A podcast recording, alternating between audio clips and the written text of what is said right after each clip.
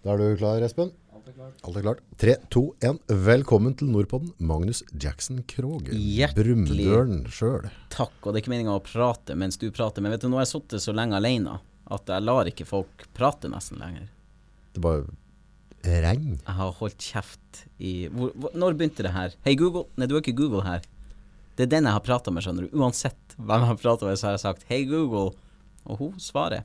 Rosa heter hun. Ros. Mm. For at du hadde holdt kjeft, det tror jeg ikke på. Det blir omtrent like sannsynlig som jeg hadde holdt kjeft, tror jeg. Vet du hva?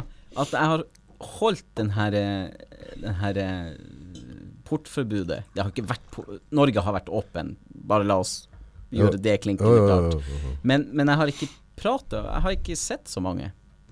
Sånn at når jeg Du, altså, du har, det har- har rønnet direktesendinger til deg hver dag. Ja, men, du, men jeg har jo sittet alene. Jo, jo, du har prata likevel. Ja, jeg det er jo folk som hører på det Ok, òg. da, men sett noen, da. Ja. Som du kan Ja, At det er litt så- interaktivt. Ja. For jeg tror dem som sitter på Facebook og ser direktesendingen, de føler seg ikke alene.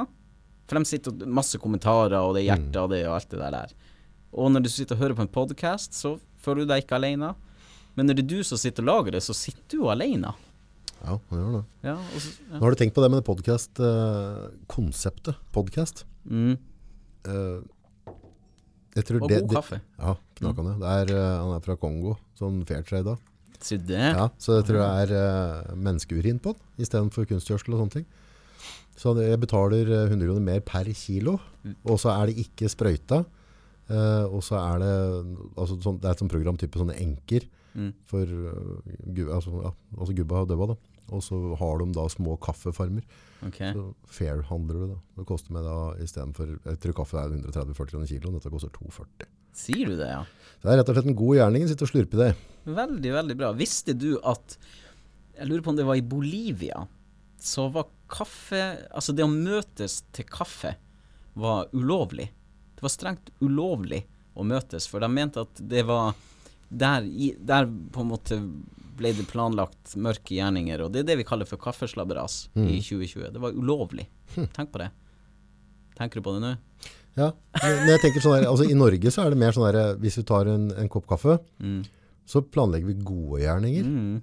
Altså mørke gjerninger, da er det som vi tar som whisky og så sitter Ja, vi ja. Men vi kan, du, skal vi ta en kaffe og så finne på noe lurt?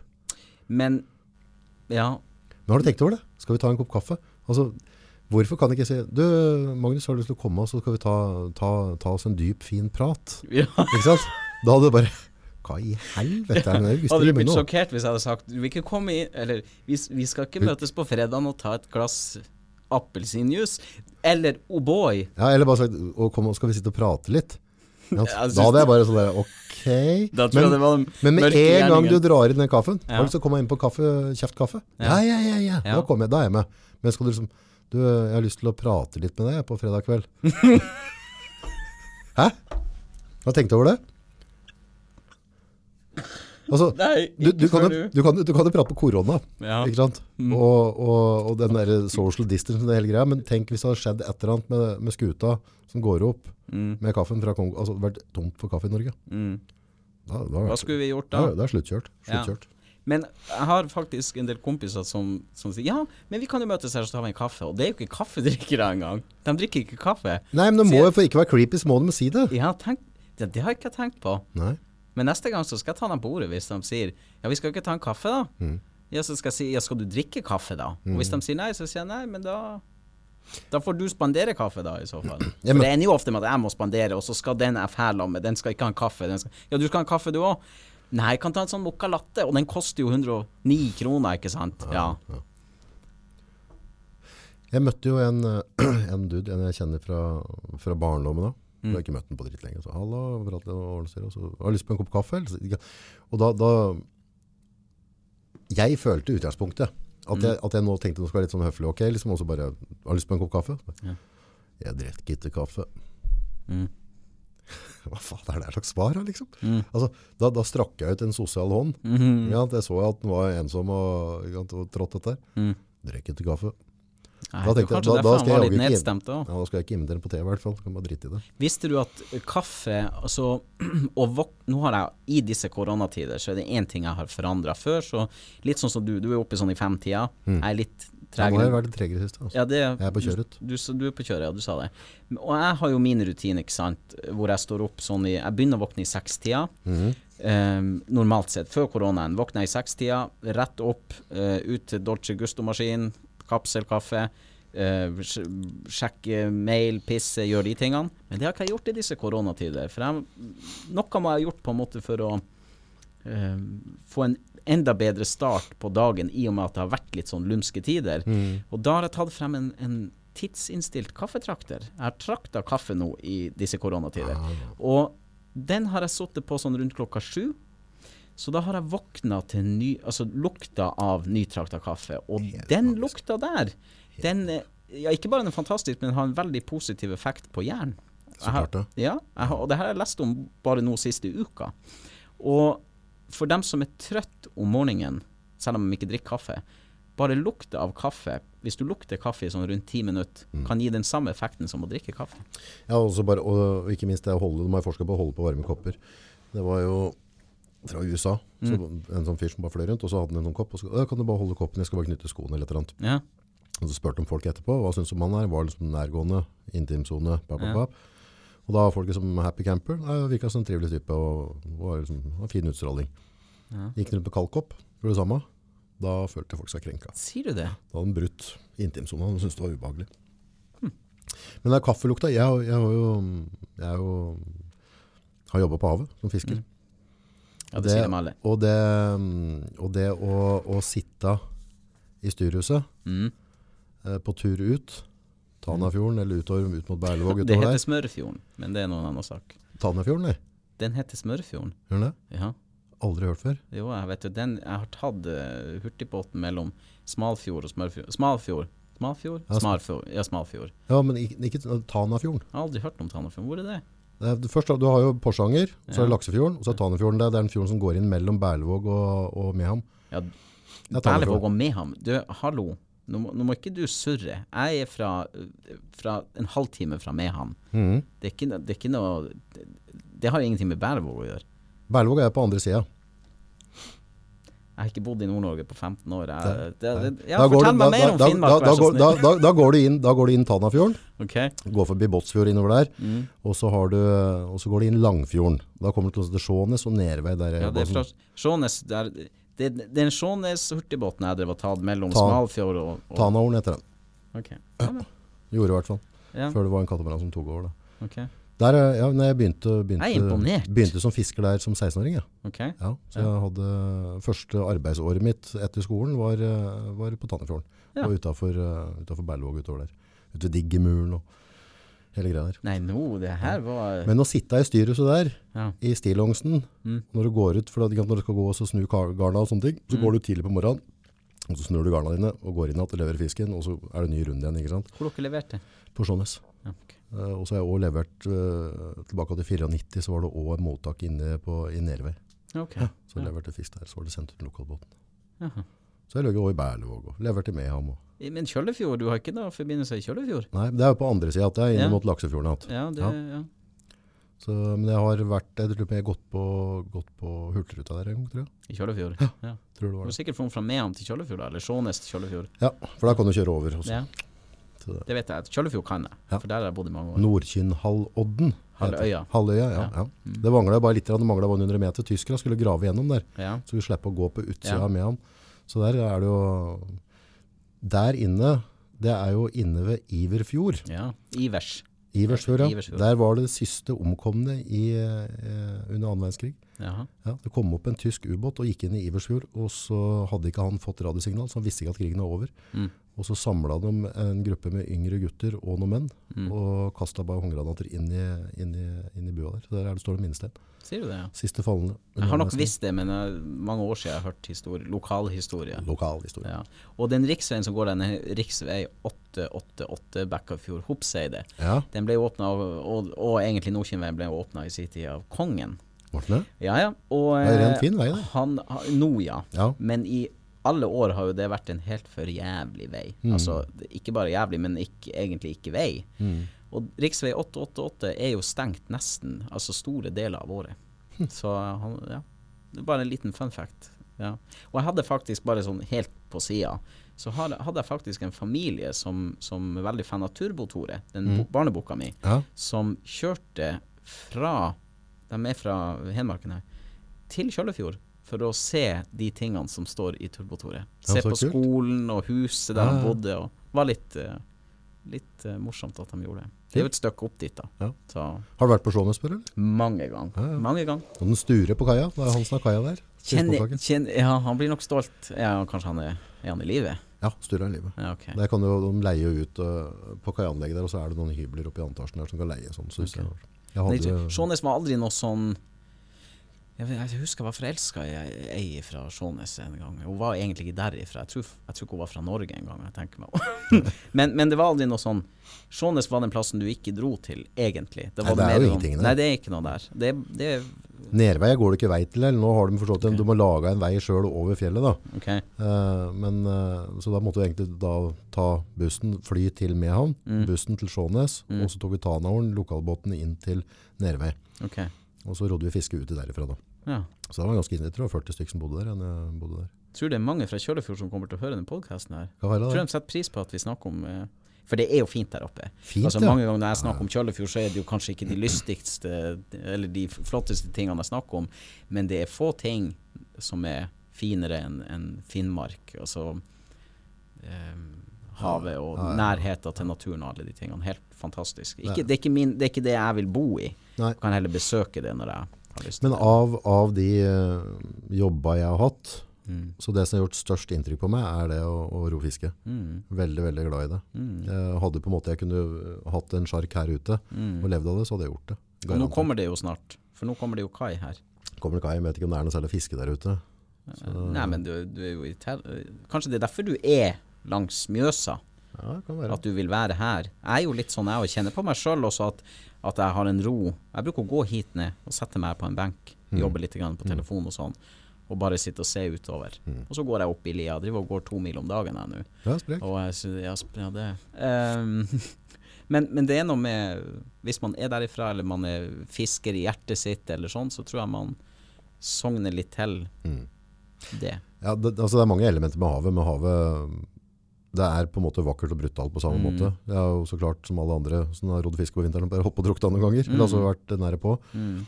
Og det å bare og det å være ute i en storm og orke å kaste en gammel, eh, gammel skøyte, Mm.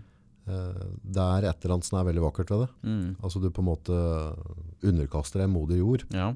Du må bare innfinne deg i det, og så må du jobbe med deg sjøl, og så jobbe med angsten. Den der på en måte tenke på at nå skal jeg dø eller et eller annet. Mm. Og få jobbe av seg det, og så gjøre de riktige tinga. Altså folk som fisker, og folk som bor langs kysten i de mest værutsatte Og jeg ser, anser meg sjøl for å ha det en sterkere psykisk helse enn veldig mange andre. Mm. Fordi at du må være forberedt på mange ting. Altså I Kjøllefjord, når hustak, altså i de verste stormene, når hustakene fløy, du er uten strøm i dagevis, det er ingen forbindelser til noe, så det er klart det gjør noe med deg. Og jeg har jo vært fascinert av Titanic Mm. store deler av mitt liv. Så mitt største mareritt har jo alltid vært å drukne, Mm. faktisk. Så det er, er veldig lite på havet. Mm. For det er, det er en stor frykt, akkurat det der. Altså, jeg bare tenker meg når den seilte ut i 1912, og de skålte om bord, og alt var helt fantastisk. Og så eh, til total katastrofe. Altså, og ikke noe kontroll. Og jeg kan jo mye av de historiene som foregikk på Titanic. Jeg, nå snakker jeg ikke om James Cameron sin kjærlighetsfilm fra 1997, men den ordentlige katastrofen som ikke var noe romantisk. For man har jo romantisert Titanic. Så klart. Er å, jeg skulle ønske jeg kunne vært på Titanic. Det skulle du ikke ønske at du var. Og så er det noe med å se en eh, På det tida så var det jo Hvis du hadde snudd Titanic opp, så var det høyere enn verdens høyeste skyskraper på den tida der, i 1912. Så, så det var jo et enormt byggverk. Ja. Og det, folk daua jo mens den ble bygd. Altså De ble jo klemt i hjel og mista lem, og det var jo, tok jo helt av, det der. Og um, til total katastrofe. Så Og det er det som er litt når du kommer fra, fra Kjøllefjord og området rundt der, da, så Mm. det er jo det som er uh, det spesielle med Finnmark. Mm. Uh, vi innlandskrabber kanskje ikke forstår mm, at du kan gå ut, og så er det helt perfekt. mm, så snur skitten Ja, på en halvtime, Ja. tre kvarter. den gjør det. Så fra liksom at du og, det liksom der, og da blir det, er det fint vær, alt, og så er du ikke nøye med å sikre lasta. ikke? Kassen med fisk ligger nede der, du har kanskje garnbruk som ligger oppå dekk. Mm. Du har ikke tatt de forhåndsreglene, du har ikke skalka luken, og så i neste øyeblikk Mm. så, så går det over til et rent lite helvete. Da. Her kan du planlegge alt du skal gjøre. Ja, ja. Du, altså, for det er så stabilt. Det er derfor jeg trives her òg. Det er for at alt er stabilt, og det er sånn og sånn. Eh, der oppe så er det Alt er uforutsigbart. Så, og det er jo, jeg tror det er jo det de liker med å bo der oppe òg, at det er det.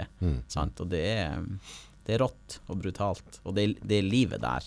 Her nede så er du liksom Spesielt når jeg bodde i Oslo, så husker jeg at du er, du er mainstream menneske. Du skal være med på alt. Sant? Mens der oppe, så den roa, og den finner jeg på Innlandet òg, her i Brumunddal òg, at det er helt egen ro.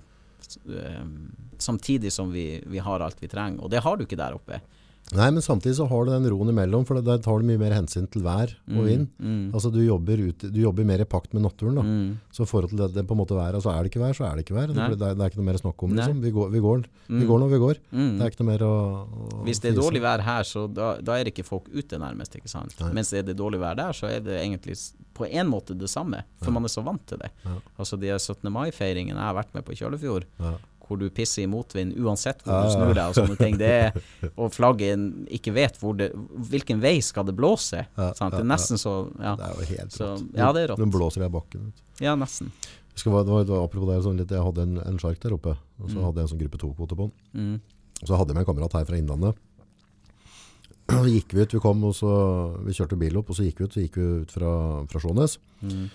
Og så har de sånn Tyfjorden, det er jo ut mot Gamvik der, så det blir på en måte på tur mot Mehamn igjen. Da. Mm. Helt knakende fint vær, ikke noe stress, ingenting. Og så tenkte jeg, vi går og setter litt lenger ut, setter i garnbruket. Mm. Og vendte nesa innatover, og der fikk vi skikkelig dårlig vær. vet. Mm. Eh, det var nok en av de turene som jeg har vært veldig, veldig nære på å ikke få lov til å komme i land igjen. Mm. Men fyren som var med, har jo aldri vært med på havet før. Nei.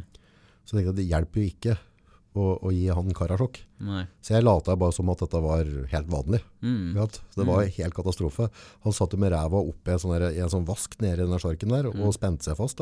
Mm. Vi rulla rundt, og det var helt oh, ja, sier det? Litt sånn Perfect Storm-greier. Ja, og så tok vi is, da. Dette er en sånn der, det var en liten sjark, så vinduene foran isa igjen. Og så funka ikke varmeapparatet, for vi mista strømmen. Så jeg hadde ikke walkietalkie ikke hadde lanterner. Så jeg bare b- b- sette liksom, eh, sikt innover mot Langfjorden og, og kommer meg innunder Men Gamvik har noe fyr. Hæ? Gamvik har Fyr! Ja, men jeg var lenger inn, da jeg var på tur innover Tannafjorden. da. Ah, ja, okay. Så jeg var på tur inn og skulle inn Langfjorden, og skulle gå inn under noe til Storøya, Mm. for å liksom regroup der da. Men, uh, men da måtte jeg ut på dekk, så stå ut på dekk og styre det, for jeg så ikke noe ut av vinduet. Ja, det var er igjen. Storm. Ja, det var, det var helt, helt konge. Mm. Det gikk opp for når vi nærmet oss Stor, Storøya, og Mm. skulle gå bakom der, for da var jeg helt blå på leppen, og så begynte jeg i blaffen, for da var jeg såpass nedkjølt. Så jeg, det, altså jeg tenkte at ok, dette blir bare det det blir? Ja. så det er ikke noe mer å tenke på. Mm. Da fikk han skjelven. Da skjønte han at den sto- du, dette var nærmere enn det du har sagt. Så bare, ja, jeg tror jeg. Men da hadde du ikke vært ute lenge? Nei, jeg brukte tre-fire timer på å gå inn, tenker jeg. Ja, ok. Ja. Da- jeg kom, da jeg, lå jeg skalla opp under fjæra i den store Storøya, og så fikk han gå ut og ta over roret litt, og så fikk jeg så jeg drev og toga meg luer og kasta inn hos han, så han drev og vrei opp luer, så jeg fikk tørre lue på meg innimellom. da. For jeg rakk jo ikke å få på oljehyra eller noen ting. Mm. Det var bare helt Fantastisk godt. historie. Ja, jeg har en del Ja, sånne fine sånne runder oppi der. Skulle tro vi drakk øl. Ja, Ja, det var helt nydelig. Nei, så, jeg, så jeg har vært, vært oppi landet ditt noen turer. Ja. Vi snakka en halvtime om, om fiske. Ja, Altså det, det, det tror jeg aldri jeg har gjort. fiske er jo magisk. Ja, det er jo magisk. Muttera vet hva hun brukte å si hun Eller hun, hun, er ja, hun er ikke gammel, det kan jeg ikke si, men hun er- begynner jo å bli litt oppi årene og sånt. Og hun bruker å si det, for hun, hun slutta å røyke, hun røykte jo før. Ja. Hun sa det frihet og det beste Fortsatt tror jeg i livet hennes, selv om hun ikke gjør det, det var å tenne opp en røyk og hive ut og bare sitte og følge med på duppen. Altså, det var det mest spennende, og det var livet. Ja. Så hun har et poeng der, når man får det bildet i hodet. Ja, det er jo noe med det, det livet der vi drev og jager etter. Det Mm. perfekte hele tiden. Altså, noen ganger så ligger det egentlig mye nærmere. Mm. Altså, det, det kunne være en dupp. Ja, Og et det sluk. være en dupp. Ja. That's it. For meg så er det kaffe. Det å sitte og drikke kaffe. Ja. Det, og gjerne alene. Spiller ikke noen rolle om jeg er sammen med noen eller ikke. Men det liksom syns jeg er Det er, altså, lukten av kaffe, det er som akkurat som lukten av, av uh, en ny mulighet, en ny dag. mm, Altså, det, det er et eller annet med den kaffe Ja. Så det begynte jo med at, at vi er nødt til å invitere folk på kaffe. Ja, så blir det det det var. Det var ja. der vi var, Ja, det var der vi var, egentlig. Nei, men jeg skal ta deg på ordet til neste gang vi møtes. Jeg skal, jeg skal, jeg skal spinne litt på akkurat det der. Altså folk som drikker kaffe eller ikke drikker kaffe. Det, det, jeg har et par kompiser som ikke drikker kaffe. Ja, men de Ja, men at de, jeg de, kanskje sier at de kommer på kaffe, og så tar de en bu- buljong Mm. eller et eller annet. Ikke sant? Og så tenker jeg kanskje kaffedrikkere er mer fornøyd. Altså mer For det er noe med Det er ikke bare en kopp kaffe. Det er så mye mer enn en kopp kaffe. Det, knytter seg, det kan knytte seg mye avgjørelser og ting til en kopp kaffe. I hvert fall for meg. Kaffe så liksom, hvis, jeg, hvis jeg skal, Før så var det jo røyk. Jeg røyker jo ikke lenger. Før så var det jo røyk. Mm. Mye avgjørelser blir tatt over en røyk. Og kaffe. Mm. Ja. Og nå så er det mer Ja, men det tar vi en kaffe på. Sant? Vi, vi vet at Mm. vi finner ut omtrent på den tida det tar å drikke en kopp kaffe, så får vi, finner vi en løsning på det der. Kaffen er jo essensen av livet. Ja, det er jo det. Ja, Det har vært trist uten kaffe. ja fytti bikkja. Jeg har vært trist uten øl òg, men hvis jeg måtte ha valgt resten av livet uh, uten kaffe eller uten øl, så har jeg tatt kaffe Glatt. med en gang. Ja. Ti av ti ganger. Får du vondt i huet når du ikke drikker kaffe? ja. Ja, får skallebank da. Jeg, er jeg er kaffeavhengig, ja. Mm. Og før så, eller når jeg slutta å røyke, så fikk Da sleit jeg mye med det. Jeg gidda ikke å klage til noen, for jeg tenkte at det var røyk. Det er jo heldigvis borte, da. Mm. Men jeg tror nok det var det. Jeg drakk kaffe, men jeg fikk allikevel ikke. Det var, det var et kick der som jeg ikke fikk. Jeg røkte jo 30 om dagen, Mm. og fra 30 til 0 Mm. på en dag. Mm. Det gjør noe med deg. Merkelig den røyken. Ja. Jeg var ikke klar til å bli kvitt den. Nei, jeg vet jo det. Og nå det sånn Nå begynner det å bli litt mer sånn Å ja, røyker du? Å ja, du er en av de. Jeg tenker at det er mer tøft, ja. Ja, det er jo tøft Ja, å røyke. ja, det er jo kulere enn noen gang. For nå er det liksom Det er ikke så mange som røyker lenger. Du Nei, ser ikke så mange som røyker. Dere, dere ikke-røykere er jo sånne mainstreamer. Nei, det vil jeg ikke påstå. Jeg snuser jo 100 om dagen, da. Så jeg syns det er tøft å snuse, syns jeg. Ja, det er kult, det òg. Du setter aldersgrensa på det. jeg har gjestesnappa her om dagen for uh, en svær uh, Snap-kanal Ja. med 20 000 kvinnfolk. Og det er mødre og alt faen du kan tenke deg. Og på en av de snappene Nå skal de ha det til å tekste all snapping. Og jeg er litt sånn Jeg har ikke tid til det. Snapping for meg er i farta. Men når jeg skal gjeste for noen, så, så forventer de det, for at det er ikke alle som hører. Mm. Og det forstår jeg jo. Så det er ingen problem å forstå. Um, og så var det en, uh, en ti sekunders snap hvor jeg hadde snus i kjeften. Og jeg fikk altså så pass, og det var av en spesiell der som Ja, er du klar over hva det her gjør?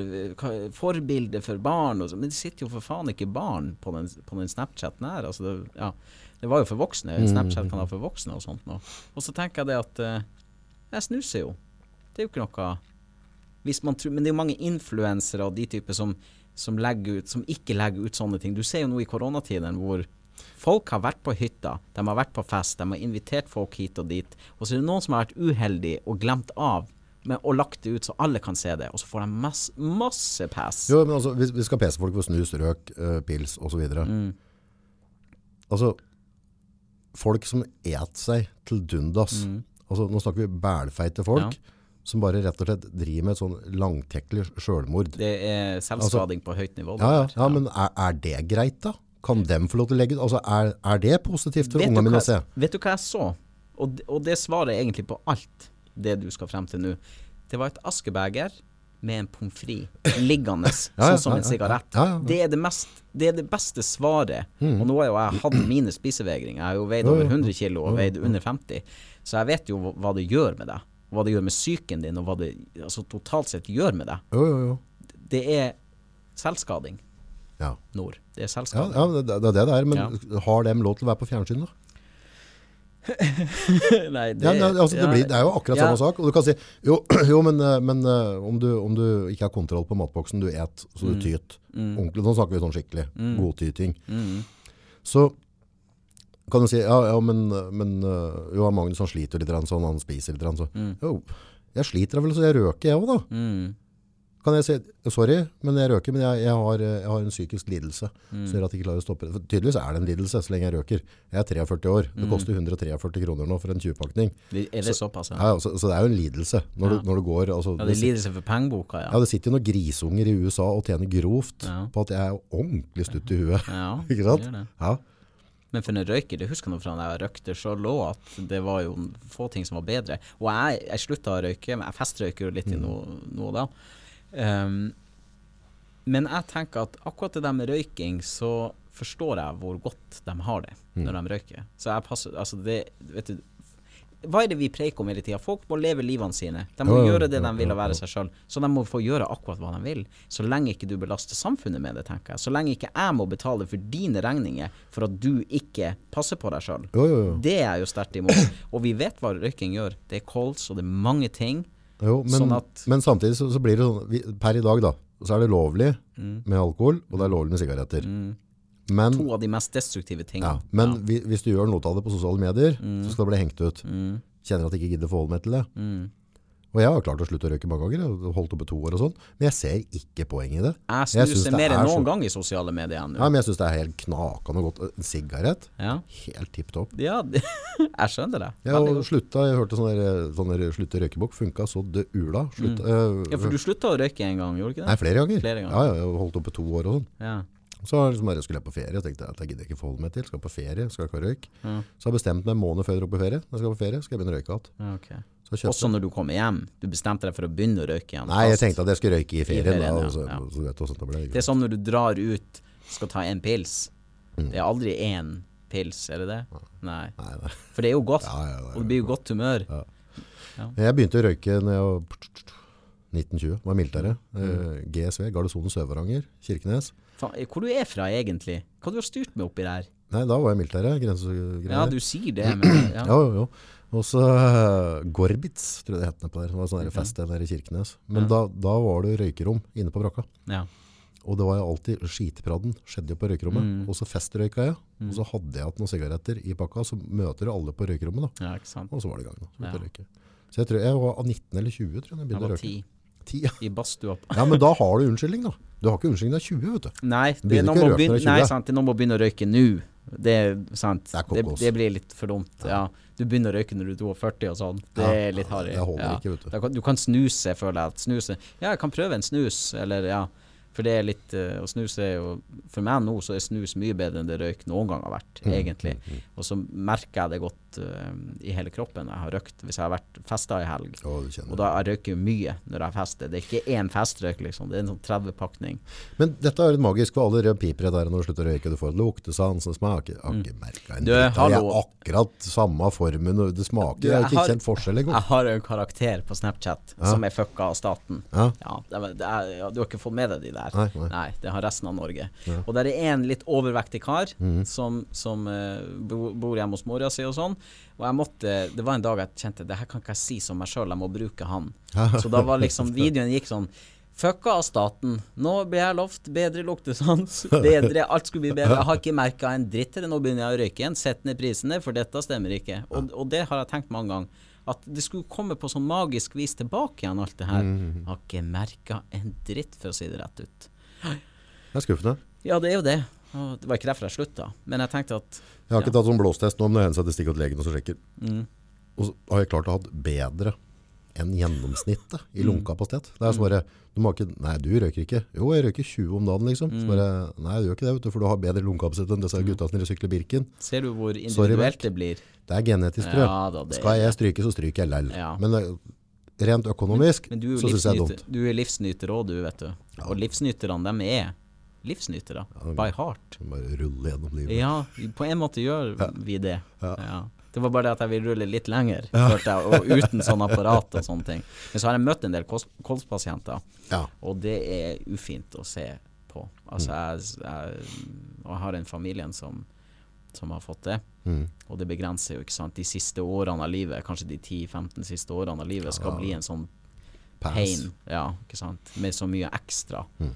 Og hvis du elsker å gå på tur, og du elsker å være aktiv og har aldri helst å gå på tur, da. Nei, ja Jo, men, men uansett Jo. Var, Hvis, du- hvis du røker 20, 20 rød om dagen, ja. så er du liksom ikke ja, men altså, i Finnmark så eh, Ja, da liksom må du gå på tur og bare skal ned Ja, på postkassa. Ja, Så er det, to kilometer, liksom. Point check, det stemmer nok at der oppe så var det jeg husker, Altså det er Petros tre-rullings. Ja, ja, ja, Når jeg er hjemme og besøker han pappa, Mm. det er denne Petros tre. Vi har fått sigaretter, han kan gjøre det enkelt. Nei, det skal Ja, men det lukter rulles. jaggu mye det òg.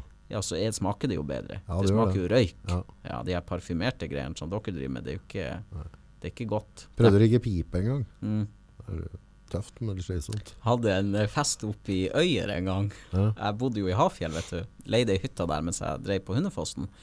Og så hadde jeg et sånt sluttalag der, og det kom jo masse kompiser på besøk. Og han ene han skulle være litt tøff, han ikke røyke eller noe, men han hadde med seg noe sånt, for vi satt jo ute mye. Mm. Ja. Og det var ikke varmt ute, sånn han Og han ville jo være med, men da følte han måtte gjøre noe, så han hadde med seg skråtobakk. Oh. Og han satt og tygde etter bestefaren sin, eller hvem det var. Han tygde og tygde. Og, og han skulle være tøff, så han, Det han vrenger seg i magen først å tygge han, han lata jo som han syntes det her var greit. Og så satt han der og tygde, og jeg tror ikke han bidro med så mye til samtalen heller. Og så, og så ser jeg på han, og du er enig du òg. Og det gikk tre sekunder fra jeg snakka til han, til han spydde Det bare flomma. Nei. Så, Det er så sterkt. Altså, det vrir seg i magen når du tygger det. ja, ok, jeg har ikke prøvd det. Ja, jeg syns det så litt tøft ut når jeg var yngre, så jeg prøvde litt. Mm. Så Og så er det tøft fra filmer, ikke sant. Ja, han står og spytt og sånn. Ja, Ja. jeg tenkte det var, så litt tøft ut. Ja, jeg tror det var det han òg tenkte, liksom. For du produserer vel noe djevelsk med spytt når du holder på med det. Ja, det. du drev og tygger, og så hvis du svelger etter greiene, så blir Ja, for han det svelgte jo, han og- satt jo ikke og spytta, vet du. Han satt Stakkars. Ikke bra, ikke bra. Du, hvordan har du hatt det i koronatidene, du? Jeg kan egentlig ikke klage. Nei. Det er jo på en måte Hva sier jeg for noe? Jeg, er sånn, jeg ser litt på meg sjøl som en sånn kakerlakk. Okay. Ja. Sånn som kravler rundt, liksom. Du må tråkke hardt på meg for å få i hjel meg. ok. Så i pressa, pressa tider så, så trives jeg egentlig. Ja. Jeg er vant til det. Det er ikke noe nytt. What else is new? Det er alltid en krise. du har ikke gjort noen forskjell på livet ditt? Nei, vi har, eh, det har vært eh, mye lange dager. Eh, Mm. Så klart så merker vi det rent. Altså, nå er det vel eh, veldig på tur tilbake igjen, men at vi har hatt måneder nå som har vært en enorm nedgang, Mm. uten tvil. Mm. Så, så at det sånn rent økonomisk har fått litt juling. Mm. Eh, så vi har, det er tre måneder som vi ikke får tilbake igjen nå, Mm. som vi må hente inn igjen eh, utover det neste året. Mm. Så, men det, sånn er livet. Så vi har jobba mye med å legge opp type nettkurs for det med drifting og bruk av sosiale medier, content Mm. marketing og sånne ting. Brukt mye tid på det. Mm. Uh, det hadde vi ikke hatt tid til hvis maskinen hadde gått som normalt. Nei, så jeg, velger egentlig bare å tenke litt positivt på det. Men er ikke det litt sånn gründertankegang? For jeg har jo egentlig vært litt på det samme. For at mange av Jeg har jo avlyst over 40 show. Ja. 40 show er jo det mange holder i løpet av et helt år. Jeg Mm. skulle ha det på et halvt år for å legge opp, ikke sant. Og, og kanskje avslutte den delen av jobben og litt sånn forskjellig. Alt blir bok... Altså de kulturhusene avlyser, Mm. og det tar lang tid å få dem tilbake igjen, osv. osv. Men i den tida som har vært nå, så har jeg plutselig eh, Jeg måtte ha begynt å tenke andre veien igjen. Hva Mm. kan jeg gjøre nå for å um, hente inn det tapte? Hva kan jeg gjøre nå for å promotere meg sjøl? Sånn og sånn. Det er litt sånn gründertanke at uh, i motgangstiden da kommer det helt andre ideer og konsepter og tanker. Altså en gründer, jeg vet ikke om du tenker sånn på deg sjøl, men jeg tenker etter at onkelen min kalte meg for en gründer, Mm. så har jeg liksom tenkt som en Ok, da er det kanskje gründer jeg er. Og da, med hvis noe stopper Kan du kalle gründer for sjølplager, stedet? Ja, det Ja. kan du. Fordi at det stopper ikke å jobbe. Nei. Og, så, og så trives du egentlig litt når det er ille. Ja. Så vi, hvis du har det litt for godt, da, hvis du får ting til å flyte godt, Ja. så Nei, peiser nå- du på et nytt prosjekt. ja, nå må jeg finne på noe Ja, nytt. nå, nå må vi dra på litt. Ja. Så bare sånn at du sørger for at du, at du får kniven på strupa. Da. Men jeg gikk noen to-tre uker i hvert fall. Og det var litt, jeg skal være ærlig og si, det var litt mye festing. Litt Mm. mye fyll var det. Ja. Ja, altså ikke, jeg har, ikke noe problematisk, Nei, nei, for all del, men, men mer enn normalt. Jo. Og jeg har ikke godt av å feste så mye, for jeg, er vant, altså jeg føler at jeg mister fokus på det. Men jeg kunne det for at det var ikke noe å gjøre. Sant? Og jeg ser jo mange andre som også har Polet nede i Halden økte jo med 100 blant Ja. annet. Ja, så vi har drukket mer enn normalt. Vært mye vinfylla rundt. Ja, har vært veldig mye, og midt på dagen, og folk har vært fulle i gaten, og så voksne folk har drukket pils om morgenen og alt mulig sånn. Men samme det. Og så kjente jeg at jeg er litt nedstemt. Rett og slett litt sånn Jeg har det ikke helt greit, gikk jeg og tenkte en god periode. Og så bestemte jeg meg i flere år har folk masa om at jeg skal skrive Turbotina. Mm. Den, jeg har en bestselger som heter Turbotor, i barnebok, som har en serie på fire bøker. Og den går som hakka møkk, og det har den gjort siden dag én. Mm. Og så er det mange som har spurt Kommer du til å skrive om ei jente. Kan ikke du skrive Mm. om ei jente? Og, du, du, du. og jeg har bare liksom skjøvet det bort, for jeg er gutt. Mm. Og jeg vil ikke sitte og skrive om noe jeg ikke kan, eller en problematikk jeg ikke kjenner på kroppen sjøl. Turbotore er jo meg, så kan, det er lett for meg å skrive det i historien. Eh, og da bestemte jeg meg for Det var en eh, mandag, tror jeg det var. Mandagene har vært tunge. Jeg elsker jo normalt sett mandagene, men nå, i koronatiden, har mandagene vært en stygg dag for meg. Ikke noe inspirasjon, ingenting. Så var det en mandag hvor jeg gikk mila, to miler, og bestemte meg på den turen. OK, det der Turbo-Tina, det der prosjektet der, det skal jeg ta frem. Og med en gang jeg tok den avgjørelsen inn i hodet mitt, opp på en topp her jeg sitter og ser utover Brumunddalen, ja, så Siden da, siden den mandagen, har jeg vært i et strålende humør og jobba som faen med Turbo-Tina. Så det er avhengig av noe å bruke huet på. Ja.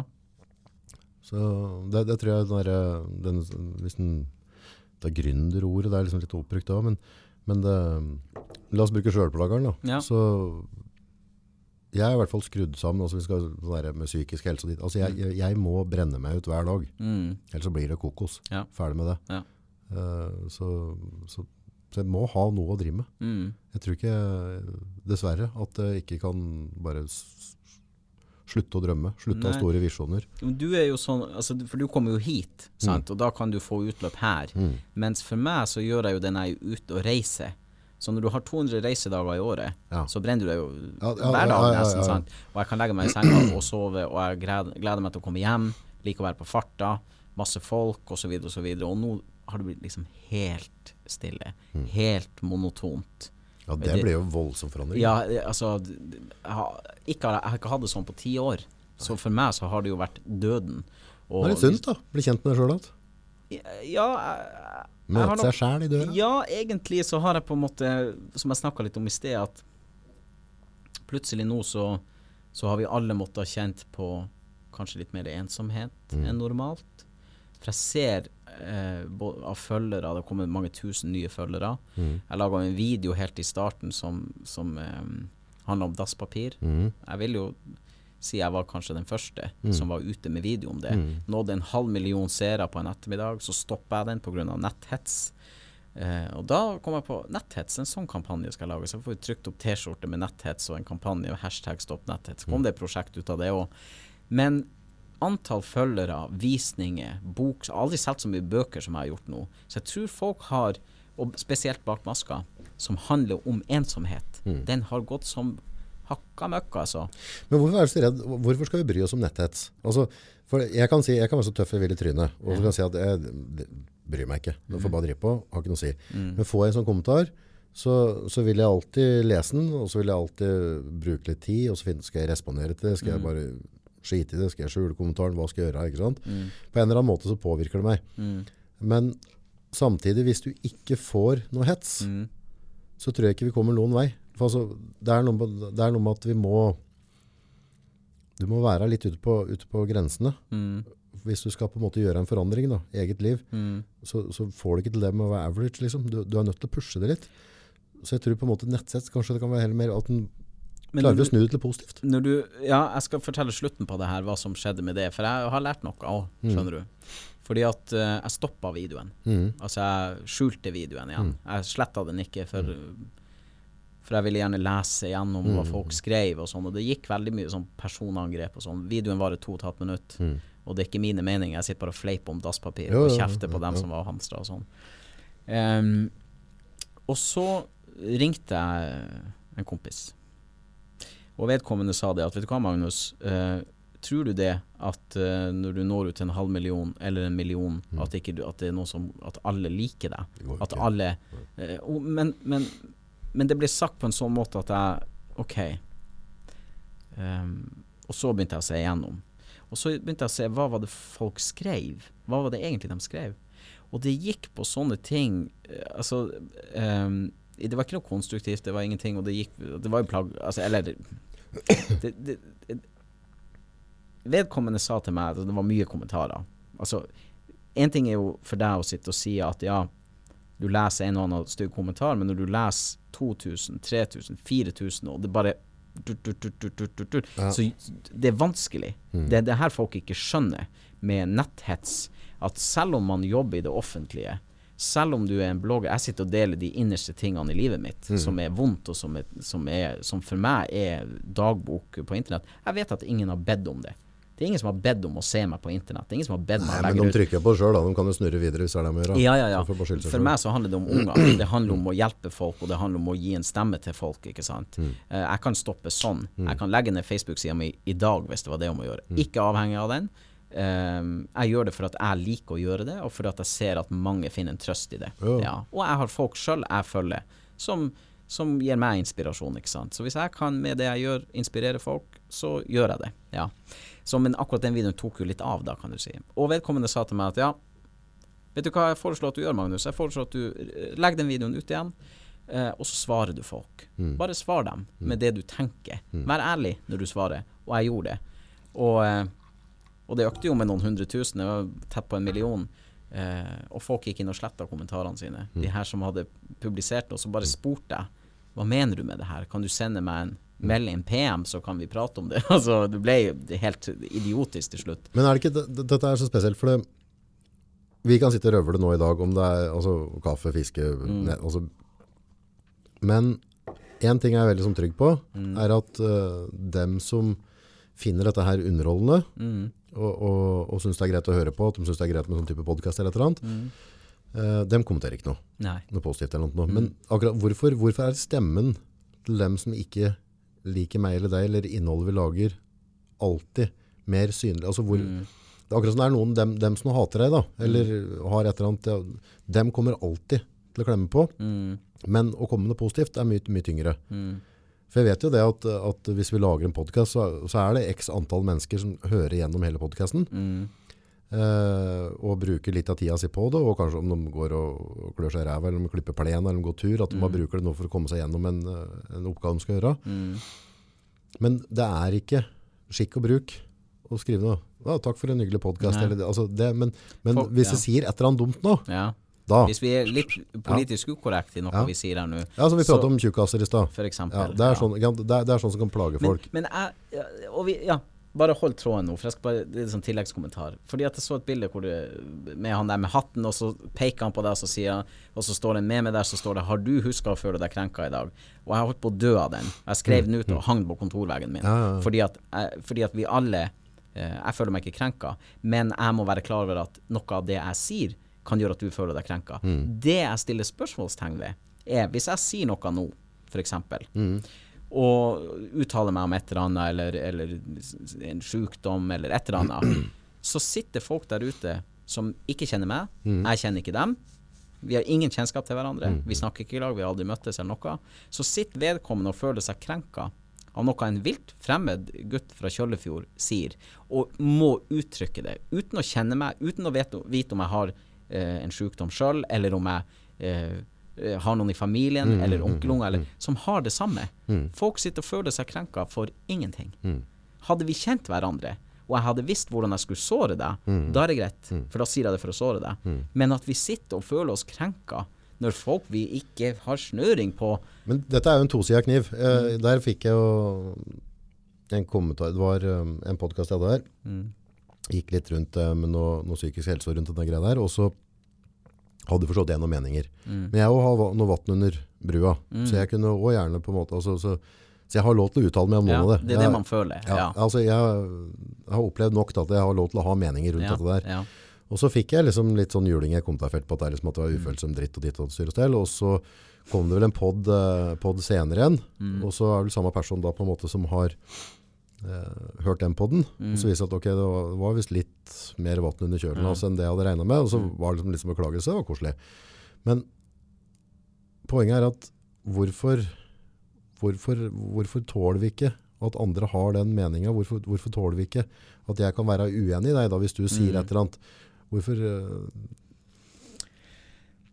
Jeg har, jeg har en veldig klar tanke på det, og det har jeg gjort meg opp i disse koronatider. Fordi at Eller det jeg prøver å tenke, er jo at Det første jeg tenker, er at folk som sitter og hetser folk på nettet, Mm. de er ikke snille privat heller. Det er en helt klar tanke jeg har, at hvis du har et behov for å snakke sånn til folk du ikke kjenner, om det er i sosiale medier eller ute på gata eller hvor det er, det er folk som slarver, det er folk som prater skit om deg når du ikke hører på. Det kan være kompisen din, det kan være hvem som helst.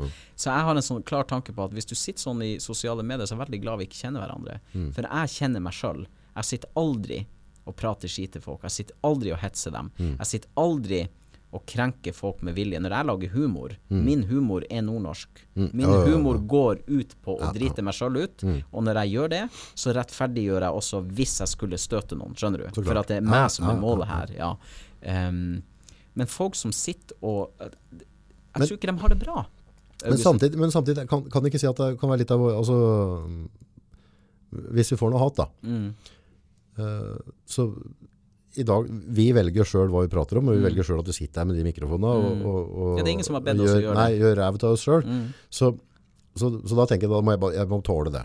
Og så stikker jeg fram det store nasaskaftet Ja. mitt, som jeg tåler meg få med en der òg.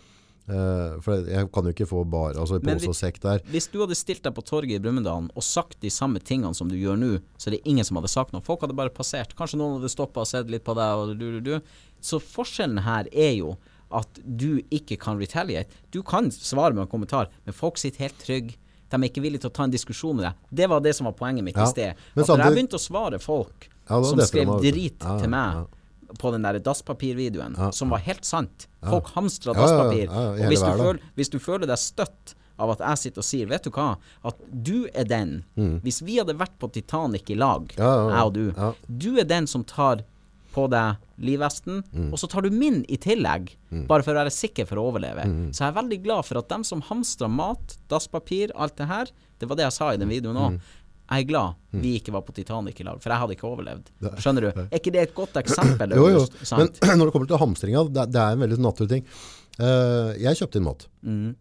Jeg har en kone. jeg Mm. Du har jo barn. Ja, to, så, så for min del så er det, var det helt det er no-brainer. Mm. For eh, sånn, sånn informasjonsflyten var fra myndighetene Ja. akkurat der i dag, Ja. så stola ikke jeg på tante Erna. Nei. Det fnugg. Ikke Mm. lenger enn jeg klarer å heve, og det vet vi begge er ikke veldig langt.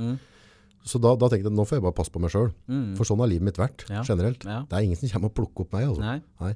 Så, men det klart, det var jo ikke sånn hamstring eh, ut av, eh, Nei, ikke- eh, og sånn vi- kokosgreier. Men, ja. men, men igjen, hadde jeg fått tryggere informasjon, hadde jeg stort Mm. på, på styringsverket vårt, fått god informasjonsflyt på det, Mm. så har jeg kanskje ikke følt behov for det. Nei. Og jeg er helt enig, så videoen var egentlig ikke et stikk. Sånn sett. Videoen var jo med med det som faktisk skjedde. Ja, og det, det er lov å Og- prate og, om. Og det, og det humoristiske, for jeg tenker alltid humor. Jeg tenker aldri at noen skal si noe som støter folk. Jeg tenker, hvis du gjør de her tingene, så må du tåle det. Og jeg tåler, altså, tåler, hvis- og jeg tåler det òg, hvis Hvis, Hvis jeg, og- hvis jeg, går, hvis jeg, kommer, hvis jeg kommer gående med, med Ei hel handle- handlevogn. Med dasspapir. med- Og ikke med mat, men med, med, med dasspapir. Ja, ja, det i seg sjøl er mye- da.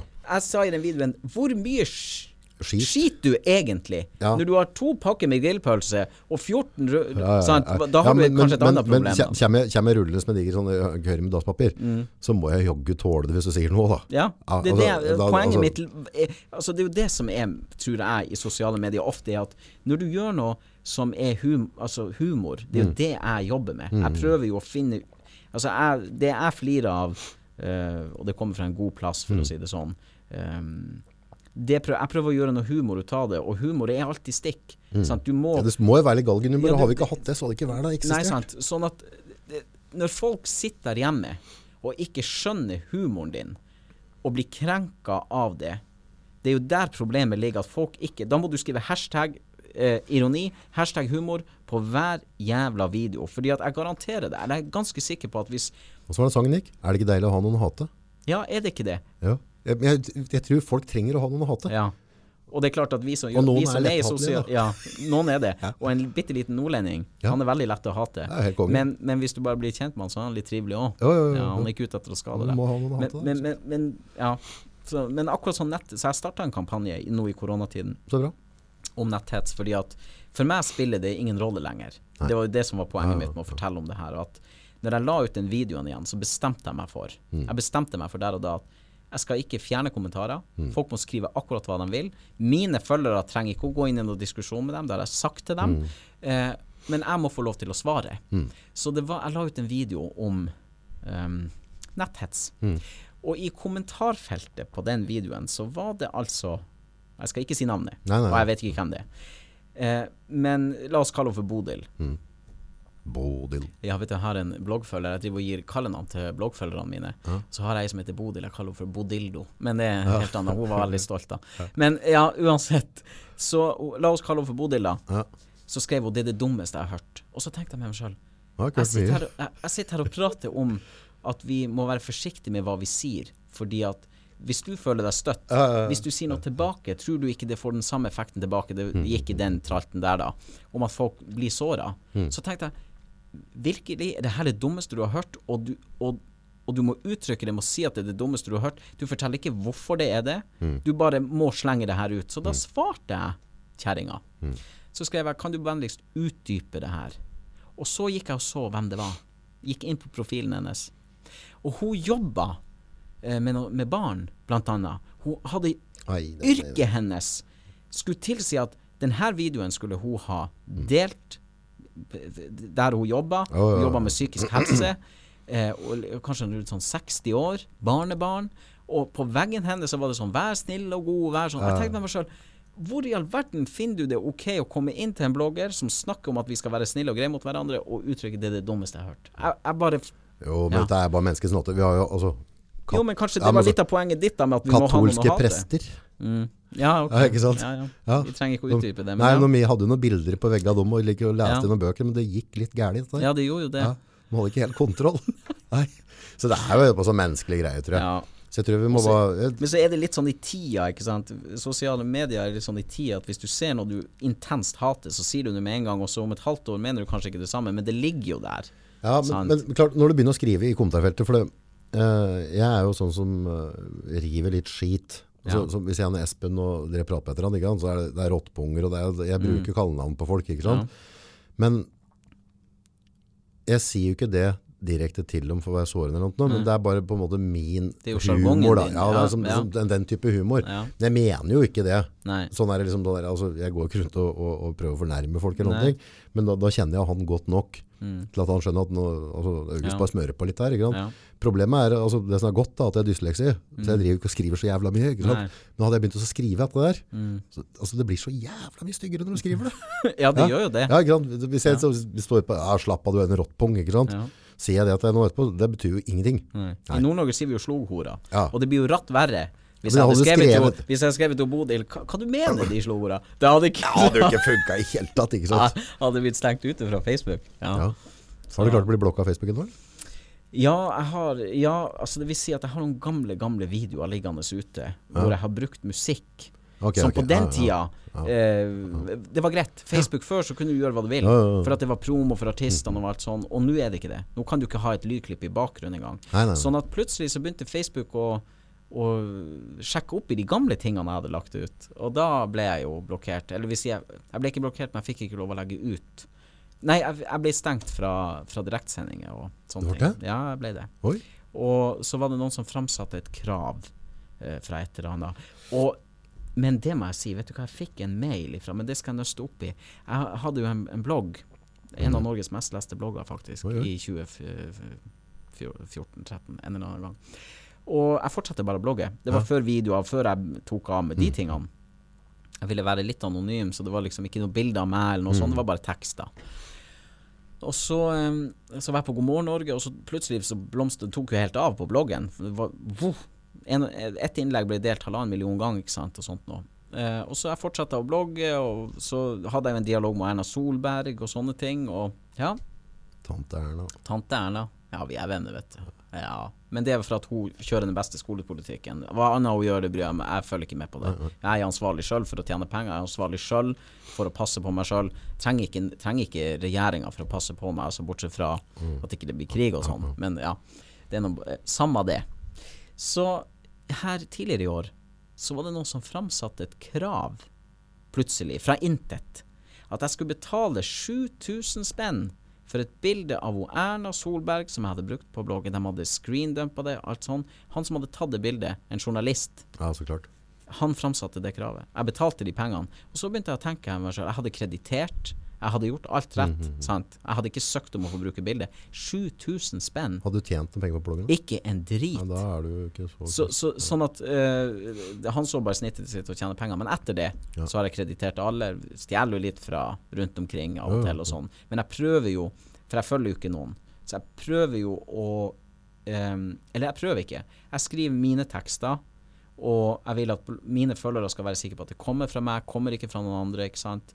Ehm, og i fare for å plutselig bli blokkert. For du vet jo ikke. Plutselig så har du brutt en regel. Ja, dette synes jeg er litt spennende, for vi driver jo med dette her, holdt jeg på å si. Ja. Altså for, for kundene våre så, og, og jeg følger med på, på det store utland.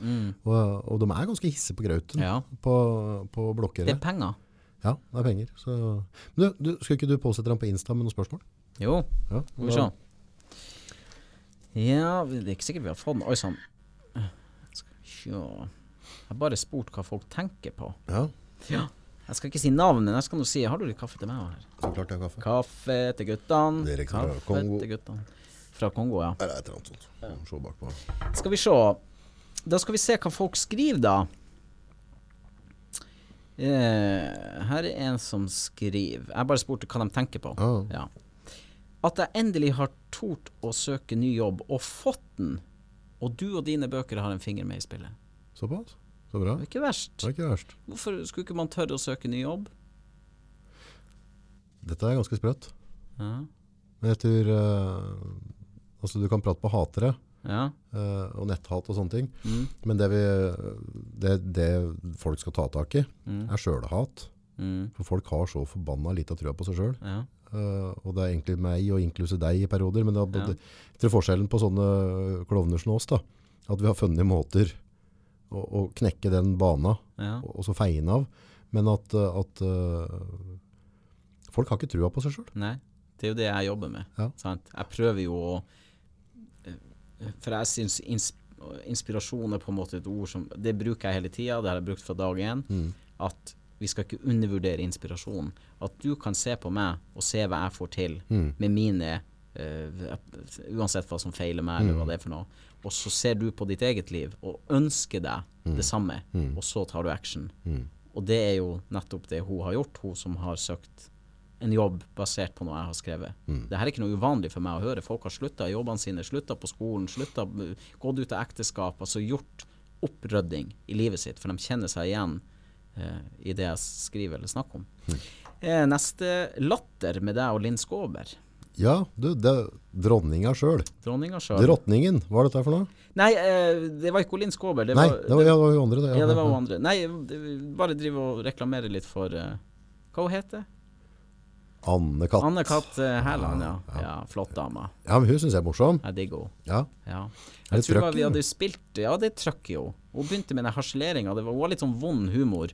eh, Jo, men hun i- var, hun var en banebryter i humor Ja. i Norge. Altså, altså, Det var hun jeg, som begynte med harselering. Ja. Det var hun som starta den trenden at Altså mobbehumoren, egentlig. Hun rakka ned Altså Hvis folk hadde Ja. seg ut, så tok hun tak i det. ja, men så, Sant. så gliste hun litt samtidig. Ja, så, så på, på en eller annen måte så ble det ikke stygt. Nei. Så hun, hadde, altså, hun fant den der vektskåla. Ja, og så var det vektskål er helt korrekt, for halve Norge hata henne, og halve Norge likte henne. Mm. Og det, det er vanskelig. Så kanskje jeg er sånn, med min humor, sånn 25% eller 45 Det er ikke even Steven der. Nei. Hvis jeg samler 200 i et rom, så er det kanskje Uh, Hvis det er følgere, 150 som liker det jeg gjør, så er det 50 som Men hadde ikke hun latt halve Norge hata, så hadde jeg heller ikke blitt Nei. Anne Kat. Nei. Så man skal, det, man skal lære litt av henne, og det har jeg for så vidt sagt til henne. Ja. Skal vi se. Blir hyggelig med en liten fest på lørdag. Fest, ja. Skal du feste, du? Nei. Nei. Det skal ikke jeg heller. Jeg skal bare kose meg. Er ikke det sånn um, høytid? Jo, det er kanskje. Ja. Det er så mye sånne ting. Men du, vi har jo et vi, vi, Ja, kvart over seks. Hvor lenge har vi holdt på nå? Ikke spør meg. Nei.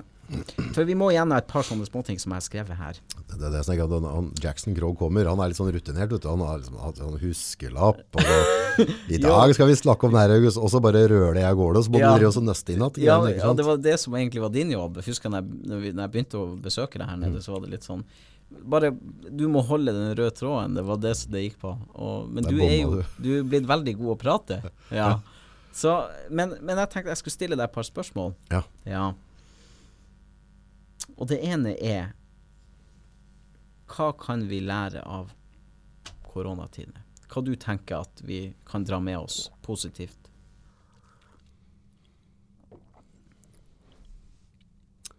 Um, sette pris på det vi har.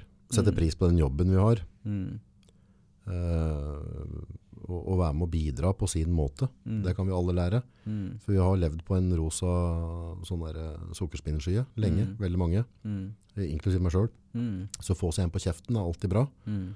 Eh, så jeg tenker at, uh, at jeg hadde bare veldig, veldig godt av det. Mm. Eh, at jeg har tapt litt penger og hatt Penger kommer. Ja, ja. Det, jeg har søla bortom lell, så jeg har ikke noe å si. Ja, det det. Men nei, så, så jeg tenker at jeg har godt av det. Og så at jeg må litt ut av boksen igjen. Mm. At jeg kommer litt ut av komfortsona. Mm. Det, det er helt klart. Det har vært noen trygge år. Ja, det har det ja. Ja, altså, så trygg som det kan bli i, ja. i denne bransjen, i Ja, hvert fall. Ja. Nei, så det må jo være det. Og så det jeg har, sånn, det jeg har lagt merke til, Mm. er at um, folk har blitt veldig gode på å gå tur. Mm. Altså folk du vet. Altså, hvem er det du prøver å lure, liksom? Jeg ser når de kommer og prøver å, å svolke den av kroppen oppover en eller annen bakke. ikke sant? Mm. Jeg Ser, altså, det kan du bare fortsette med. Mm. Du har ikke drevet mye med det før. Nei. De har kjøpt seg sånne kule joggesko og Ja tights og sånne ting. Hva er det med mannfolk i tights? Jeg vet ikke, de springer forbi meg hele tida og glad hva hva er dette for noe? Hæ? Ja, men, altså, hva er greia? Hvorfor kan du ikke ha på seg en shorts i hvert fall? Hvem er det som har lyst til å se Altså, I hvert fall hvis det er dag én. altså poenget er det er, det er øh, Ja, men jeg, Slutt! jeg kjøpte Hæ? Du, jeg kjøpte Altså Nei, det, jeg må ha sånn komprimering Du vet, jeg har sånne her De her, er ikke det, toppidrettsutøvere. det er jo nesten tights jeg har, det her. ja, det er Ja, men det er litt sånn ungdommelig. Det, det her er det ja, ja. inn. Det er inn folk. Jo, jo, men hadde du hatt dette tight rundt pungstellet ditt Ja, nei, så det er liksom- noe med det. Da, Men dem- og så hadde du skulle prate og ikke drikke kaffe Da, da. Når jeg er oppe i løypa, for jeg går ca. to mil, så jeg, men jeg har gått egentlig hele tida. Jeg har bare økt distansen i disse koronatider. Og så vil jeg bli litt sånn Jeg har gått opp fem kilo. Ikke det at det spiller noen rolle, men når, jeg, når du er ute og reiser, og du er på scenen, så må du være litt kvikk. Og jeg merker at jeg gjør alt saktere nå, så det er derfor jeg gjør det. Og de springer for meg, forbi meg hele tida. Jeg ser, for jeg er i løypa hver dag, stort sett, i ukedagene i hvert fall. Du, jeg møter de samme folkene. Blotting er det Da, ja, det er blotting med klær på. Æsj. ja. Eh, altså, Speedo òg? ja, det Faen av greia?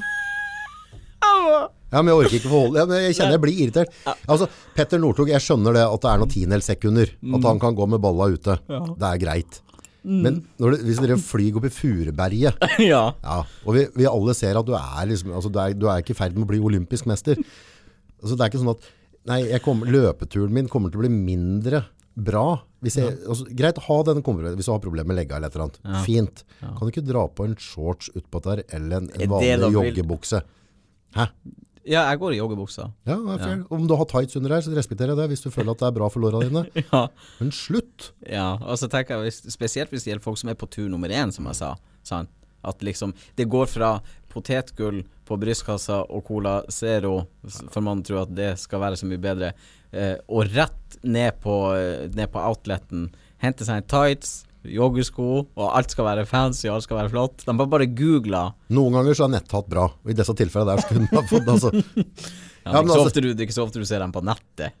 Nei, men ja, og jeg er ganske ukritisk. Jeg sitter her og røler og ordner og styrer, ikke sant? Ja. Så, så for all del. Altså, men, men at jeg dratt på meg en tights Ja. og stått foran speilet. Ja. Jeg kjøpte en hadde dratt, hadde dratt av tre røde lamper med en gang. Så, du, nå, nå, nå er du på tur ned et kaninhull her, liksom. Nå er det blotting neste. Jeg bodde på Gaupen med ekskjerringa. Ja. Og vi brukte å være ofte i Sverige. Og der har vi sånn sportsoutlet. Og det, på denne tida så gikk jeg jo ikke i det hele tatt. Eh, og så var vi nå der, og, der, og da fant jeg en sånn Nike tights. Mhm. Så jeg skjønner hvorfor de kjøper det, for jeg kjøpte det sjøl. Og så og så jeg kjøpte et sånt sett. Jeg tenkte nå må jeg begynne Nå bor jeg på Gaupen. Skal jeg begynne å gå inn til Brumunddal og handle der, eller gå ut på Nes, eller hvor jeg skulle, for å handle. Og eh, så kommer vi hjem, og så tar jeg på meg den tightsen, og jeg tenkte ja, ja, det var ikke så aller verst. Og jeg kom bare ned, hun sa ingenting, hun bare rista på hodet. Og jeg har ikke tatt den på meg siden. Så det så nok ikke så bra ut. Altså Det var bare jævla ufint, for å si det rett ut. Ja. Dere pussa båten i, båthavna i Hamar for noen år siden, altså jeg er modern, moderen. Moderen er en trivelig dame. Mm. Og så kom det en syklende. Mm. 65-70-åra. Mm. Sånn, han er mye i sola, sånn brun, ikke sant? Sånn Ja, ja. sunt brun. ja. Maga og Og så hadde han på seg sånn der godtepose, sånn der speedo. ja. Så kommer han liksom, ser liksom hva vi driver med. Så jeg vet ikke helt hva som gikk av meg. Men i hvert fall, så jeg hadde, hadde en malerkost i hånda. Og så blir det sånn der, når du har en hannkatt som står og mæl på døra, så pst, pst. ja, Så, jeg så, så jeg pusta på den. Å ja! Nei. Jo, jeg sa ingenting. Pst, pst. Så sånn for å få den unna. Og så Modar, hva var det du drev med nå, liksom, August? Ja, hva, hva er greit? Du, du sykler deg ikke rundt sånn på en lørdagsmorgen. Det er slemt gjort. Mm. Men jeg skjønner reaksjonen din. For nå i disse koronatider sto jeg- skulle handle på Kiwi. Så står jeg, og så er det jo en meter avstand. Eh, og jeg har nå prøvd Eller ikke bare prøvd, men jeg har holdt de her eh, reglene som er satt. Være politisk korrekt og sånt. Jeg har ikke egentlig hatt så mye ute døra å gjøre uansett. Uh, og så kommer det en i kassa på Kiwi som stiller seg helt inntil meg. Og, de, og jeg er ikke den som blir sur eller noe sånt. Og, da, og, og jeg merka at For jeg kjente veska hennes i liksom oh, ja, ja. på ræva mi. Ja. Så snur jeg meg og sier 'unnskyld'. Og det var en reaksjon jeg ha, ha, ikke trodde jeg skulle få. Så jeg skjønner hva du mener med at du Ja, jeg pysjer på folk. Og du vet hva pysj ja. Ja. ja, Altså, Gamletanten gjorde det, så ja, pysj. ja, Ja, det var helt konge. ok. Nei, men ok, vi skal gå kjapt videre her. Ja. Um, Er vi ferdig med tights, føler du? jeg føler at vi spora totalt av, faktisk. Ja. Hvem er det som fant på tights? Nei, jeg vet ikke. Går Men det an å finne ut det? Det, er, det er en ting jeg ikke liker. Apropos å saksøke folk, liksom. Du, jeg er glad i kvinnfolk. Jo, jo. Og Det er greit i tights. Ja, det er greit i tights, men jeg får litt nok av det på Snapchat. For nå er jeg jo blitt offentlig Snapchat. Jeg fikk plutselig mail fra Snapchat Norge, og gratulerer. Hva er offentlig Snapchat, da? Det, det, det- Snapstars okay. kaller de oss for. Stars. Stars ja. Oh. Da er du global, Mm. så du kan snappe til hele verden. Eh, du har veldig mye visninger. Av og til så er det helt ekstremt. Så har, det er mye jeg slutta å legge ut, rett og slett fordi at de skjønner ikke hva jeg sier òg. For det er jo Plutselig så er det USA, og så er det, det Jeg legger ut en snap nå, Mm. og den kan nå to, tre, fire millioner. Det Altså, kommer helt an på hvordan eh, når og hva du legger ut, og hvordan er storyen frem til det nye og sånt. Så du har Og det gir det er en effekt der ute. Folks Jeg legger ut et bilde av meg sjøl, og det screenshottes Når var dette riktig? En hyperaktiv type fra Kjøllefjord. Med telefon som når to millioner mennesker. Nei, det er ikke bra, vet du. Det er ikke bra. Også, men jeg sitter og gjestesnapper for andre kanaler, for det er klart at når du er offentlig Snapchatter, så ber folk deg For du har gjort noe rett, Mm. sant? Ehm, og jeg vil ikke forandre på måten jeg sier og gjør ting på. Jeg, Jeg vil ikke la meg styre av det. Jeg prøvde å gjøre det, og jeg så at folk som fulgte og sånn, falt. Mm. Og jeg vil jo at flest mulig Jeg vil ikke ha flest mulig følgere. Men jeg vil at folk skal forstå budskapet mitt. Mm. Jo flere som forstår det, jo bedre eh, jobb føler jeg at jeg har gjort, hvis Mm. de liker det. Sant? Eh, Som sagt, hetsere de er jo uansett. Jo. Men i hvert fall, da. øh, og jeg kan ikke bestemme hva jeg skal se. Og hvis jeg åpner Snapchat nå, så kommer det jo opp her, ikke sant. Og det er alltid Det er alltid kvinnfolk i tights, det er i, på treningsstudio. Kunne vært verre, da. jeg blir, nei, men jeg blir så lei av det. Det kunne vært mannfolk i tights. For at de er ikke der for å trene. De legger ut 17 bilder av seg sjøl i det der, for, det der speilet. Og, og, og, det, og, det, og verst er de her tre sekunder Snap-videoene hvor de gjør sånn. Altså, Vet du, jeg, jeg blir gal av det. Jeg tenker, hvor mye tid har du? Hvor mye tid skal du bruke på det der? Har du ingenting annet å gjøre? Det tenker mitt hode. Jeg kunne aldri ha sittet fire-fem timer av dagen min for å legge ut et bilde uten budskap, uten noe som helst. Ja, men, så står det 'følg meg'. Skal du følge jo, ja, men det sprø er jo så lenge du får det opp eh, i, i telefonen din. Jeg gidder ikke å følge et kvinnfolk bare for at hun er pen. Jo, jo, men så lenge du får det opp da, som et forslag, så tydeligvis er de pop. Så verda vil ha det. Ja, men skal jeg, ha en sånn en. Ja, hvis hun kommer hjem til meg og spiser skal- middag og drikker vin, ok. Men hvorfor skal jeg Altså, jeg skjønner ikke hvorfor de er der. Skjønner du? De er, der, er de bare der for at de er pene? Eller for at de er pene ifølge malen? Skjønner du hva jeg mener? Jo, jo, De er der for at de ser ut som alle de andre. Og da kan man spørre seg Er det det verden vil ha? Eller er det for at det er det som blir visst oss? Vi, har, har du noen gang Når du skrur på NRK for du er med å betaler betale NRK. Nei, det, jeg har ikke TV-kanaler. Jeg ser på Visjon Norge. Men har du noen gang skrudd på NRK fra du hadde NRK? For alle har hatt det. Pra, prakka på oss. Og tenk, det der ville jeg ha. På, det der er, jeg, De har brukt de her eh, pengene mine veldig bra. Mm. Aldri. Er det noen som har bedt om å se han Lars Monsen gå over Nordkalotten? Ja, jeg tror han vasker seg ikke engang, da. Det- Nei, Lars, nei, han er jo hysterisk morsom. Jeg vil ikke være med å spleise på Kvikk Lunsjen hans. Jeg er så lei av å se det. Ta en poll, da, og finn ut. Vil vi ha Lars Monsen? Vil vi ha Hurtigruta sekund for sekund? Vil vi ha hacking i Nord-Norge minutt for minutt? Vil vi se hver en krik og en krok i det landet her? Vil vi det? Er det noen som har bedt om det? Nei, det er noen andre som sitter og bestemmer hva vi skal se. Og så må vi på en måte bare spise det. Ja. Ja. Det samme tenker jeg med det her. Altså, vil vi se det, eller tror vi at verden liker det bare for at det blir prakka på oss? Skjønner du hva jeg mener? Er det opp til deg å avgjøre hva som er god eller dårlig underholdning? Kritikere hadde hatt deg. Nå kjente jeg, nå begynte den kaffen å virke. Ja. Ja. Ja, men jeg, jeg reagerer mer på, på, på, på nyheter. For jeg føler at nyhetene er farga. Altså, Nyheter og- er ikke nyheter lenger. Nei, altså, det, altså, så fort det er en redaksjon Ja. Altså, hadde det vært en reporter, Ja. altså han rapporterer, altså han, Ja. han gjør en reporting, Mm. da er jeg med på det. Mm. Men så lenge det skal gjennom ja. Nå, Det skal lages en story der, til deg, ja. med begynnelse, midten og slutt. Altså som en minifilm. Det er grunnen til at jeg ikke ser på nyhetene. Det er ikke nyheter lenger. ikke. Men jeg ser ikke på nyheter, det har jeg ikke gjort på flere år. Hater VG-nett, hater VG-rampelys, er så dritlei. De tror det er underholdning de bedriver. Det treffer ikke alle, og det treffer i hvert fall ikke meg. Jo, men det treffer en del, da. Ja, ja tydeligvis, der, ja, da da. kanskje vi ikke har noe valg. Men der, der, kan vi få, der kan vi få et skille, tror Mm. jeg. For det, altså, sånn sosiale medier fungerer i dag. Så, altså, den der lineær-TV-en og alt dette er jo på tur ned. Ja. Eh, og at folk velger i mye mye større grad nå hva de ønsker å se. Mm. Det, det føler jeg meg ganske trygg på. Mm. At, eh, at de, kommer, de er in for a treat. ja. Men De- det er, de sitter, det er jo noen som sitter og avgjør, Mm. per og har gjort, og gjør det. Avgjør hva du skal mene er god eller dårlig underholdning. Ja, men, men der, der er vi alltid en fare hele tida. Sånn som med, med poden vår, da. Mm. Eh, så er det mange som sier hvorfor, hvorfor selger du ikke en sponsa plasser dit og datt styret Mm. selv? Og så, så tenker jeg nei, utgangspunktet så er den poden her, den er min. Mm. Og jeg har lyst til å prate med hvem jeg har lyst til å prate med, og prate om hva jeg har lyst til å prate om. Helt totalt uavhengig. Mm. Men hvis jeg på en måte sier at du hadde vært med og sponsa, da, Mm. altså at uh, Jackson Roe er med i samme så, så plutselig så vet jeg enten så sier du det, Mm. eller så vet jeg at du ikke har sansen for det jeg prater om der, og så begynner jeg å moderere meg. Ja. Og da er det ikke, da er det ikke Og da noe er, på vi, da er vi faktisk litt inne på det. For jeg er jo en som har takka nei til alt av TV. Ja, Alt av film. Ja. Vet, du hva, vet du hva jeg takka nei til i fjor? Jeg er litt dum. Mm. Jeg angrer litt på det. Det er ikke ofte jeg sparker meg sjøl i, i, For jeg tenker jeg må være til stede når jeg skal ta en avgjørelse. Skal du være med på det, ja eller nei? Mm. Så må jeg tenke ok, hvordan kan det se ut? Vil jeg det? Er det noe, hva, hvem er sponsorene her? Og sånn. Og jeg havner alltid på nei. Takka nei til veldig mye bra. Mm. Og i fjor fikk jeg tilbud om å være med i en TV-serie, og takka nei. Mm. Jeg hadde ikke hørt om den TV-serien før. Og etter at jeg takka nei, tenkte jeg jeg må bare sjekke hva det er for noe. Ikke for at, og jeg trodde det gikk på TV. Jeg har ikke TV-kanaler. Men det lå på Netflix. Ja. Det lå på NRK. Vikingene. Jeg takka nei til Vikingene. Og når jeg så Jeg ble jo totalt avhengig. Vikingene. Ja, det er en serie på NRK.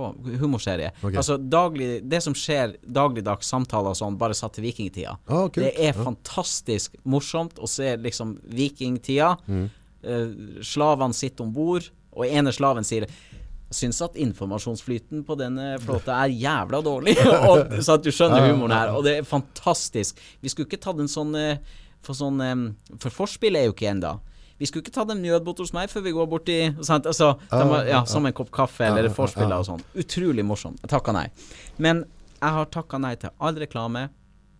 Du kan gjerne kalle det Det er jo idiot I den bransjen som vi er i, så skal du ikke det. Du skal takke ja. Ja, det må kjøre på. Jeg har takka nei til all reklame. Alt som finnes, fordi at jeg har sagt en gang i tida at jeg skal ikke være med på å reklamere og pushe ting på folk som jeg ikke aner konsekvensene av. Sant? Eh, mange har kalt meg for idiot. Jeg har mista mange gode oppdrag. Har mista Men jeg vil ikke være en del av det. Og VG, alle de her tingene, det er reklame. Det handler om penger. TV-program, det handler om penger og seertall. Alt det her handler om penger. Og de bryr seg spytt i hvordan de fremstiller deg, hva de sier om deg, hvordan det går med deg etterpå. Alt det her. Og vi tror vi sitter og ser på reality. Det er ikke reality. Det er skripta. Det har jeg vært med på, reality, norsk reality. Ja. Det er skripta. Det er det, ja, det er ubetalt. Det er, det er så dumt at når folk sitter og blir forbanna på reality, så tenker jeg eh, kanskje campingliv er det nærmeste du kommer. Og til og med det er jo Skripta eh, skripta. ja, ja. Så, så vi, men folk lar seg lure uansett hva det skal være. Og nyhetene er ikke noe bedre. Så mm, noen nyheter er jo sikkert det blir utrolig artig å se hvordan, eh, hvordan medieverden, eller altså sosiale hvordan det kommer til å ta, ta seg framover. Det gleder jeg meg veldig til. mm. Uh, Det blir litt allemannseie nå. Sant? Altså, det er litt fritt følger frem, han Joe. Rogan, du? På, Nei, Følger ingen. ja, han er, han er bra. Mm. USA-podcaster. Ja, det var han der som podkasta om ingenting og alt det her, var det ikke det? Ja, eller eh, har masse, masse interessante folk, men er en um, utrolig kunnskapsrik type. Og så, Så gir han blaffen. Mm. Så han, uh, Hillary Clinton får så, Ja. flagger, og Donald Trump alle, Ja. så, han, han bryr seg ikke. Nei. Og så har han blitt så stor, så, så de får egentlig ikke flagga ned. Nei. Det- Han, han slipper unna med Men det. man digger det. Ja. Og du ser når folk er ærlige. Jeg tror, uten å virke for narsissistisk her, Mm. Så tror jeg at det er det folk liker med det jeg driver med. Mm. Jeg har en liten podkast som heter Livet. Vi er der nå, Mm. ja. Um, hvor jeg bare setter på og prater. Mm. Og jeg prater rett fra levra om hva jeg opplever, hva jeg føler, hva jeg tenker. Mm. Og jeg tror folk liker det. Jeg tror folk liker uh, folk er, For jeg tror ikke folk er så dumme at de ikke skjønner at influenserne er betalt. Mm. Sant? Oh. At alle de produktene som blir fremvist, alt det Vi her alle er jo ludder. Ja, Absolutt. Hvis, ikke du, hvis ikke du takker nei. Jeg har jo aktivt takka nei, men hvis du takker ja Influenser du har jo takka ja til andre jobber, ikke sant? Jo, det har jeg gjort, men, de, men det var for å komme Ja, ja, eller penger, da. Nå sier jeg det at min inntekt kommer ikke fra sponsorer, for jeg har ikke sponsorer. Eh, min inntekt kommer fra boksalg og når du kjøper en billett. Mm. Den, dagen du den dagen du ikke kjøper billett til showet mitt, eller ikke kjøper en ny bok, eller hva det skal være, Mm. så blir jeg borte. Og det er veldig enkelt. Og da setter jeg meg på Rema 1000, eller så søker jeg jobb hos deg. Mm. Ja. Så, så jeg har ikke noe jeg, Den delen av mitt liv, den her offentlige greia, Mm. betyr egentlig ingenting. Sant? Så lenge folk kjøper produktene og holder meg gående, så vet jeg jo at folk liker det jeg driver med. Mm. Men jeg tror grunnen til det er for at det kommer rett fra levra. Det er ikke alt jeg tør å si høyt, fordi at det er barn som følger meg. Mm. Hadde jeg ikke hatt så mange tusen barn som ser direktesending og videoer, så kunne jeg nok ha vært uh, Når du sier offentlig liv, eh, dette er litt sånn interessant, for det, mm, vi har jo den uh, vloggen vår som vi dere kjører, og så har vi den podcasten. mm, og nå er ikke vi noe store på den planen, altså vi har, vi har, det er noen som følger oss. mm, Men jeg er jo ikke noe offentlig person. Nei. Men jeg må jo tenke tanken liksom, altså, i det vi på en måte legger ut podcaster, eller lager, Mm. eh, lager vlogger og sånne ting, så i veldig, veldig sånn bitte liten skala, så er jeg til en viss grad litt, altså jeg legger ut veldig mye fra livet mitt, mye av tankene mine Mm. ut.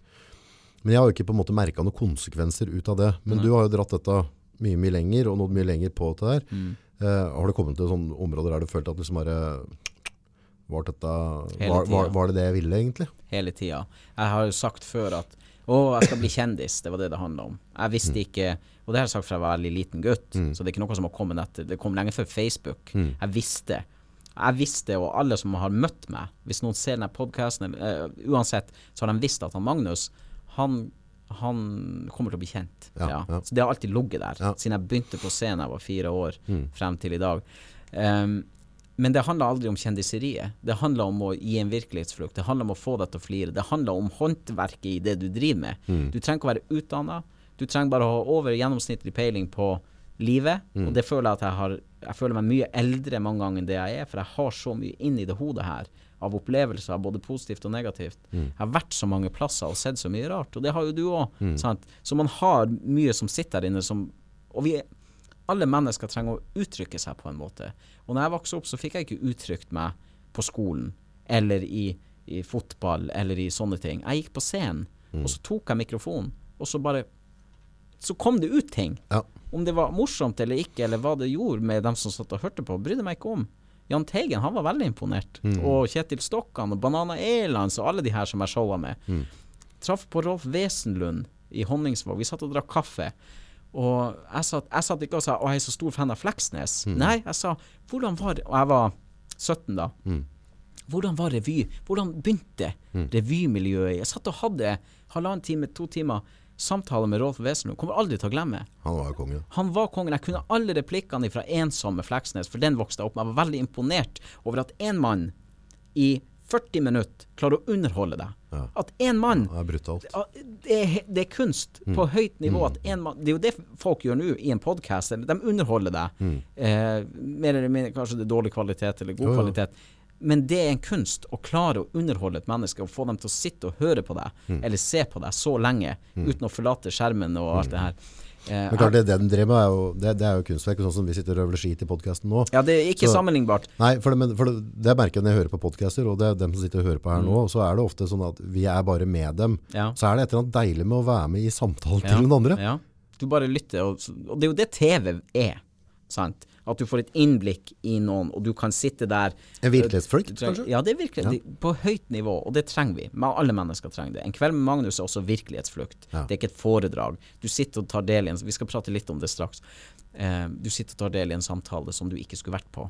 Det, altså, en kveld med Magnus er jo en, er jo en live podkast, egentlig, om livet og sånne ting. Eh, og jeg var i, i, i kjelleren på, på, eh, i Oslo der med Hilde Lyron og Sven Nordin. Jeg vokste opp med Mot i brøstet. Mm. Kjempesvært øyeblikk for meg.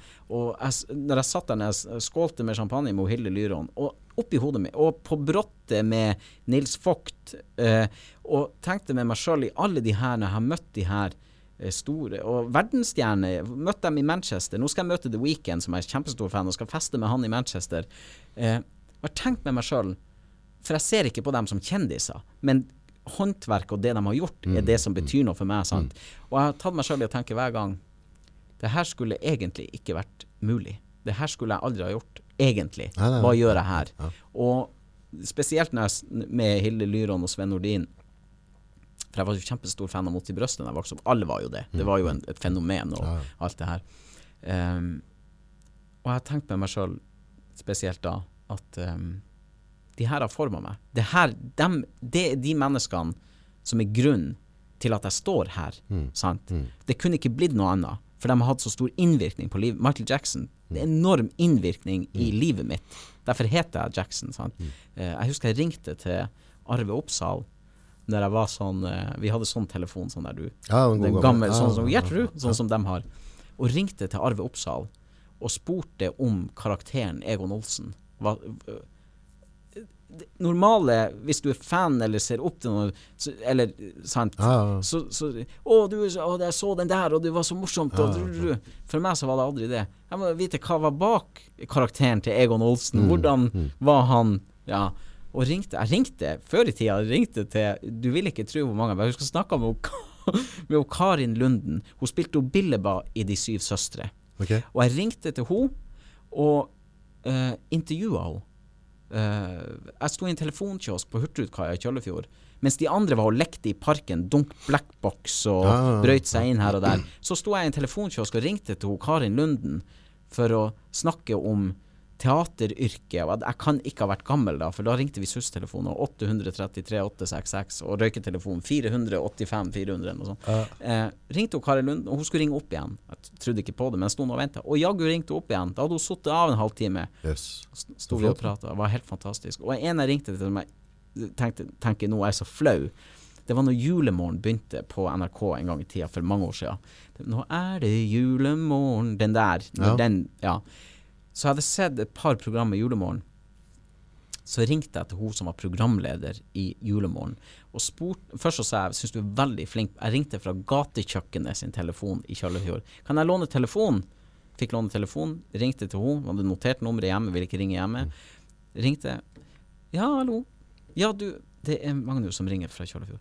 Eh, jeg må bare si jeg syns du er en helt fantastisk programleder, for Ja. utstråling liksom og sånn.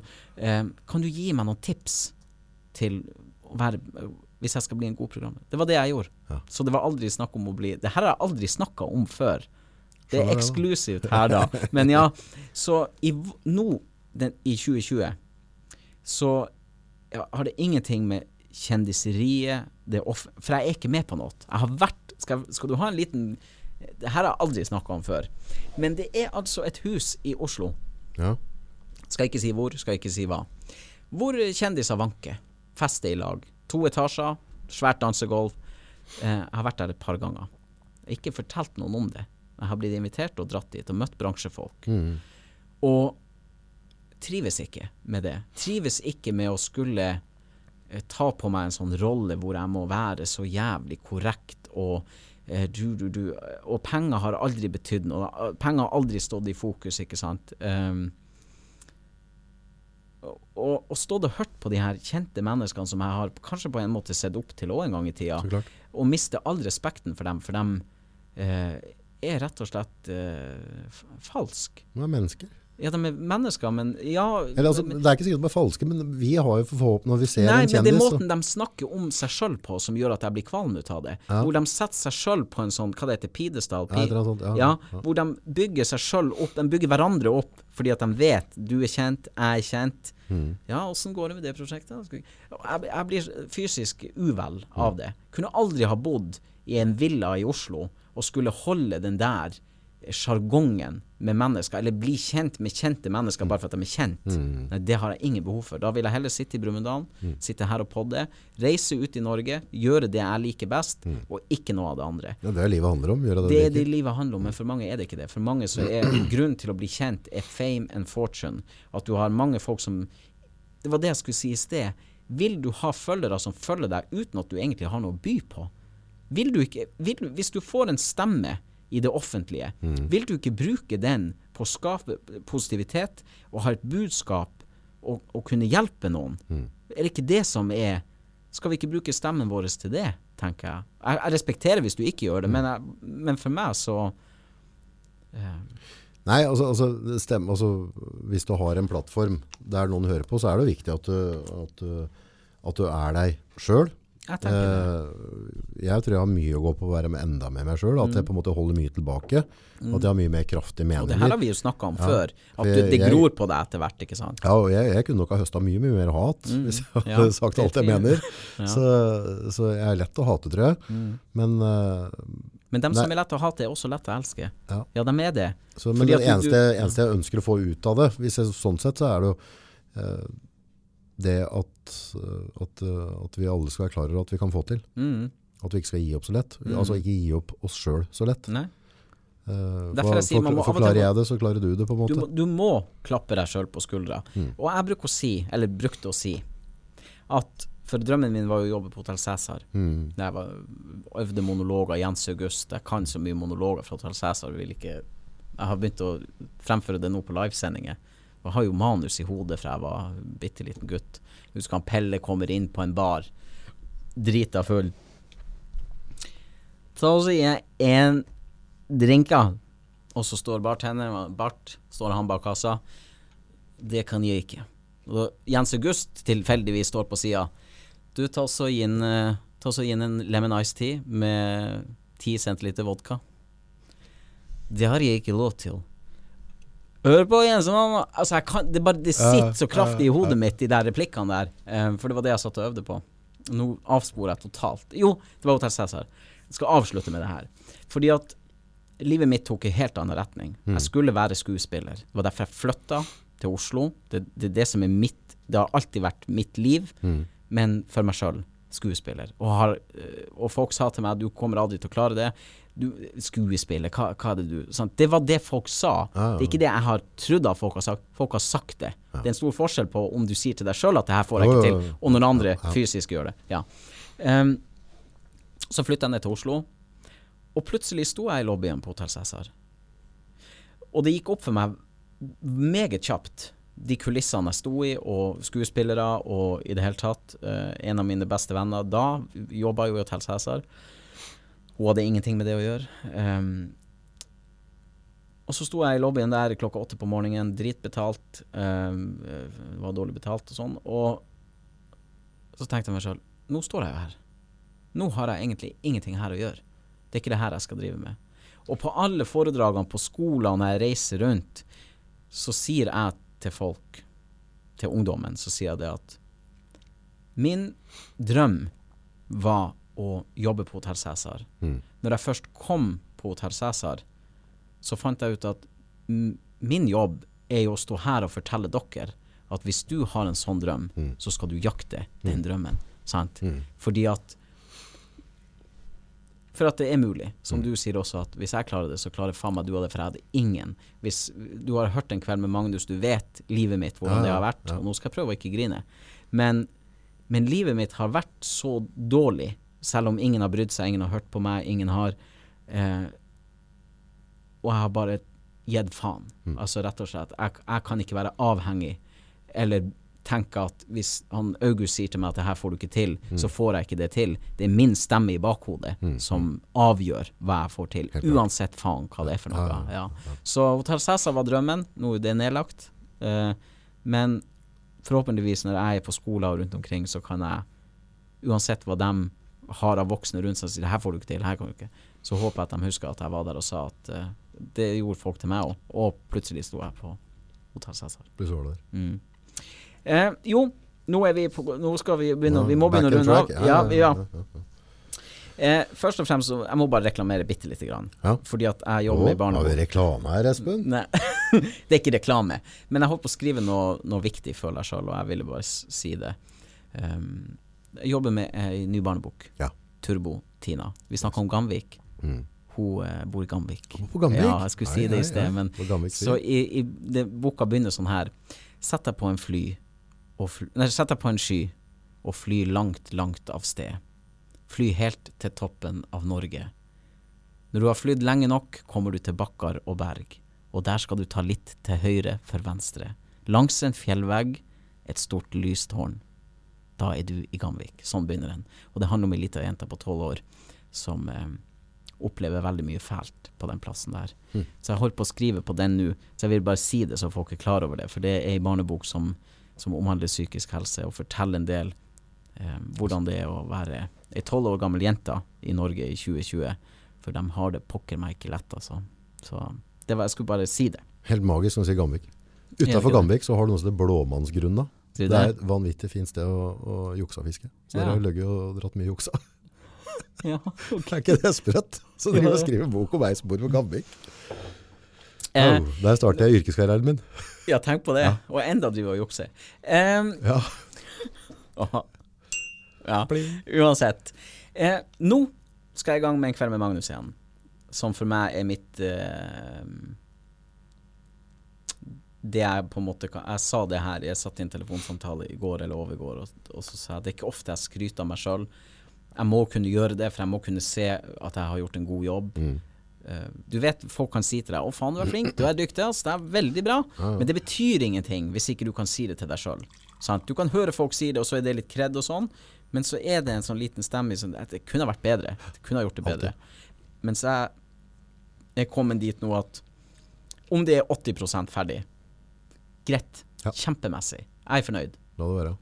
Det er, det er ikke noe mal på det jeg gjør. Nei. Så hvis jeg er fornøyd, og da kan jeg si jeg er fornøyd Ja.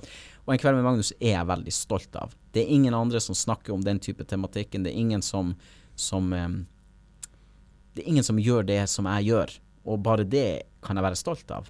Det kunne sikkert vært bedre på mange ting, uh, men jeg er fornøyd. Og vi kickstarter jo i Brumunddal. Mhm. Og du var jo programleder for en kveld med Magnus i fjor. Ble fullt hus. Ja, det var tjåka med folk. Ja, det var tjåka. Vi sendte til og med folk hjem. Ja, tenk på det. Tenk på det. Det var ikke plass nok i kjelleren på Hjørnet gastropub. Og nå har jo jeg klart å gjøre en frisør ganske kjent uh, Ja. rundt, ikke bare her, men hun har nå truffet rundt en halv million mennesker uh, som dauer når de ser henne. Det er ikke meg de ser på, de ser på Wenche. Mm -hmm. Frisør-Wenche, som hun blir kalt for rundt omkring. Um, og hun har nok sikkert dobla antall kunder i der, for de vil jo se henne og sitte i stolen som jeg sitter i, og ja, sånne ting. ja, ja. Så det blir litt sånn eh, Den har fått sånn Folk følger ikke De leser ikke bøkene, kommer ikke på show, men de sånn kultfølgere. Ja, Ja, ja, og så er det oppretta ei gruppe på Facebook hvor de møtes, de som syns det er morsomt. Det er jo helt sprøtt, men de gjør nå det. Deler videoer og snakker om Wenche og snakker om klærne og snakker om Ja, de, folk analyserer jo hva det skulle være. Stas. Og jeg, hun skal være programleder for en par-tre show nå. Så bra. Ja, og det er selvfølgelig for å vise henne frem. For hun er jo stikk motsatt av det hun Sånn som det ser ut i videoen. Hun prater jo mye mer enn det jeg gjør. Normalt sett så holder jeg kjeft. Jeg er jo egentlig ganske beskjeden, men i videoen så no. Jo, men jeg er jo egentlig det. Ja, jeg er det. Jeg er ganske stille. Hadde Altså Jo, jeg er det. Må ikke du tegne et feil bilde av meg, for jeg er ganske stille. Ikke når jeg kommer hit. Kommer an på hvem jeg møter, selvfølgelig. Ja. Jeg jobber jo mannskitt. Ja, det er jo det vi gjør her. Det er derfor jeg er her. Um, men hun skal være programleder, og, dette, og så kommer det jo mange andre programledere òg. Mange hundre skal være til ennå. Så da tenkte jeg, nå har jo du vært programleder, og da vil jeg bare du kunne Kan ikke du bare prate litt om det? Om du har noen tips, om du har noe Hva du Ja, du har jo ikke gjort det før. Tips. Det, det er vel egentlig at man bare har grunn altså du, du får bare være deg sjøl. Mm. Mer får du ikke gjort. Det er ikke nytt å prøve å være noen andre. Mm. Så du må være den programlederen du er, tenker jeg. Mm. Og så er det vel sånn generelt Hva husker du fra den kvelden? Det er jo en stund siden nå. Ja, nei, det var egentlig veldig greit, syns jeg. Mm. Altså, det Klarte du å være til stede? Ja, Mm. det gjorde det. Mm. Jeg fikk med meg publikum og fikk med hva du sa. Og, Mm. så det blir jo kanskje litt juks med tanke på at jeg driver og er litt vant til å kjøre podkast. Mm. Så det ble på en måte som en podkast, bare at det satt folk i rommet og hørte på. Mm. Uh, og når vi sitter sånn og prater nå, så klart en gang iblant, hvis jeg slenger litt med leppa, så tenker jeg på at det sitter noen og hører på. Mm. Men uh, 95% av tida så glemmer du at folk sitter og Mm. hører på. Ja. Så nei, det tror jeg Wenche kommer til å klare veldig, veldig bra. Veldig nervøs. Veldig nervøs. Ja. Og det var du òg den Ja. kvelden. Ja. Man blir jo nervøs. Det, du skal være nervøs. Jeg, jeg opplevde ikke så veldig nervøs. Jeg syns det egentlig gikk veldig fint. Mm. Så jeg syns ikke jeg var så urolig der. Men det, det er litt med Du kommer til sånn point of no return. Har du sagt Mm. ja? Uh, det var nok heller to-tre dager før vi Mm. skulle på at, uh, jeg tenkte på ok, hva har jeg sagt ja til nå, liksom? Mm. Dette har jeg ikke tenkt gjennom. Mm. Men uh, når kvelden var der, så, så følte jeg meg ikke noe nervøs. Da syns jeg det gikk egentlig veldig greit. Men det, det er um, folk Jeg hører på en som, som poster en del på, på YouTube rundt dette med å prate foran folk og, osv. Mm. Um, og det går litt tilbake igjen fra skolen. For det har vært Hver gang du skal si et eller annet i klassa, der Mm. alle hører på deg, Mm. så har jo lærere brukt dette som en sånn kjent taktikk. Mm. Hvis de ser at Magnus ikke helt følger med. Ja. Ikke følger med timen. Mm. Så, eller, altså, hvis, er, hvis en lærer er usikker på om noen følger med timen, og så stiller han et spørsmål, og så Mm. ser han hvem som rekker opp henda. Dem som ikke har rekt opp henda, de har heller ikke fulgt med. Nei. Og da vet en liksom, ok, hvor mye engasjerer jeg elevene mine? Hvor Ja. mye vet og hvis du er den som ikke har rekt opp hånda, Mm. Magnus, Mm. ikke sant? Så da blir det veldig negativt lada å snakke foran andre mennesker. Mm. Det tror jeg skjer litt sånn, altså, så naturlig så blir det ofte, du blir hengt ut. der. Ja, Ja, jo, det, blir jeg skjønner sånn poenget ditt. ofte- Så, men eh, så ta det for det det er, og så, og så bare gå gjennom hva du skal gjøre mentalt. Mm. Så du har gjort det allerede en gang før. Ja. Så at du på en måte har, kjør gjennom reisa, se for deg folka som sitter der. Mm. se for deg stolen skal sitte, se for deg at nå sitter jeg med ben over der, jeg har vannglass i venstre hånda, jeg føler at jeg har kontroll. ja, for du var veldig til stede på de tingene der. Ja. Ja. Så- Jeg var litt, egentlig litt imponert. Jeg husker jo alt fra begynnelse til slutt. Jeg Ja. gjør alltid det. Ja. For jeg er jo så mentalt til stede. At, ja. Så, så at du på en måte bare har gått gjennom reisa en tur før, og så, så rusler du inn, og så, så Mm. går det bra. Er ikke det morsomt? For du har spurt meg før, liksom. Ja, du går fra publikum, og, du, og det der det er veldig intimt der nede. Du får publikum veldig tett på deg. Mm.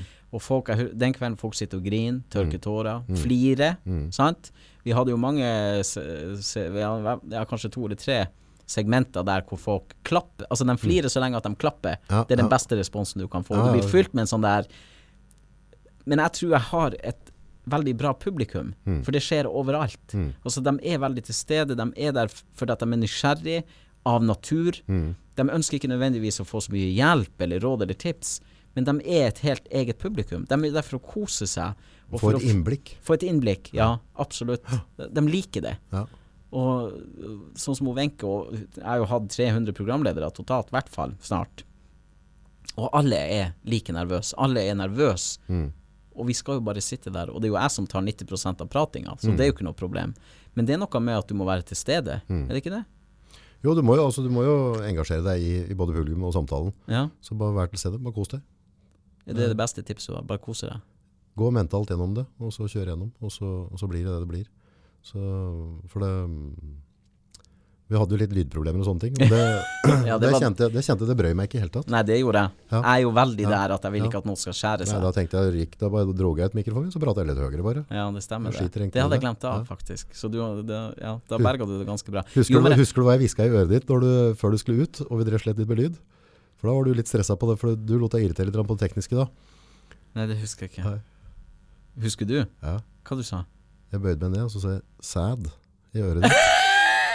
Gjorde du det? Ja. det husker jeg ikke. Og da ble det helt sånn perpleks. Hva faen er det gubben jeg driver med nå? Det var fem sekunder før det skulle ut, og så ble det skurra i mikrofoner. Ja, jeg husker at det Ja. skurra, ja. Ja. Det var, jeg husker ikke hvorfor, hvorfor det skurra, men jeg, ja, jeg husker at du sa noe, for da satt jeg foran eh, døra der, den Ja, ja, glassdøra. ja, Ja, ja. Men, men jeg skal fortelle grunnen Så jeg måtte ta ut mikrofonen min til slutt. For Ja, det det det husker jeg. Ja. Når du sier det nå, så husker jeg det.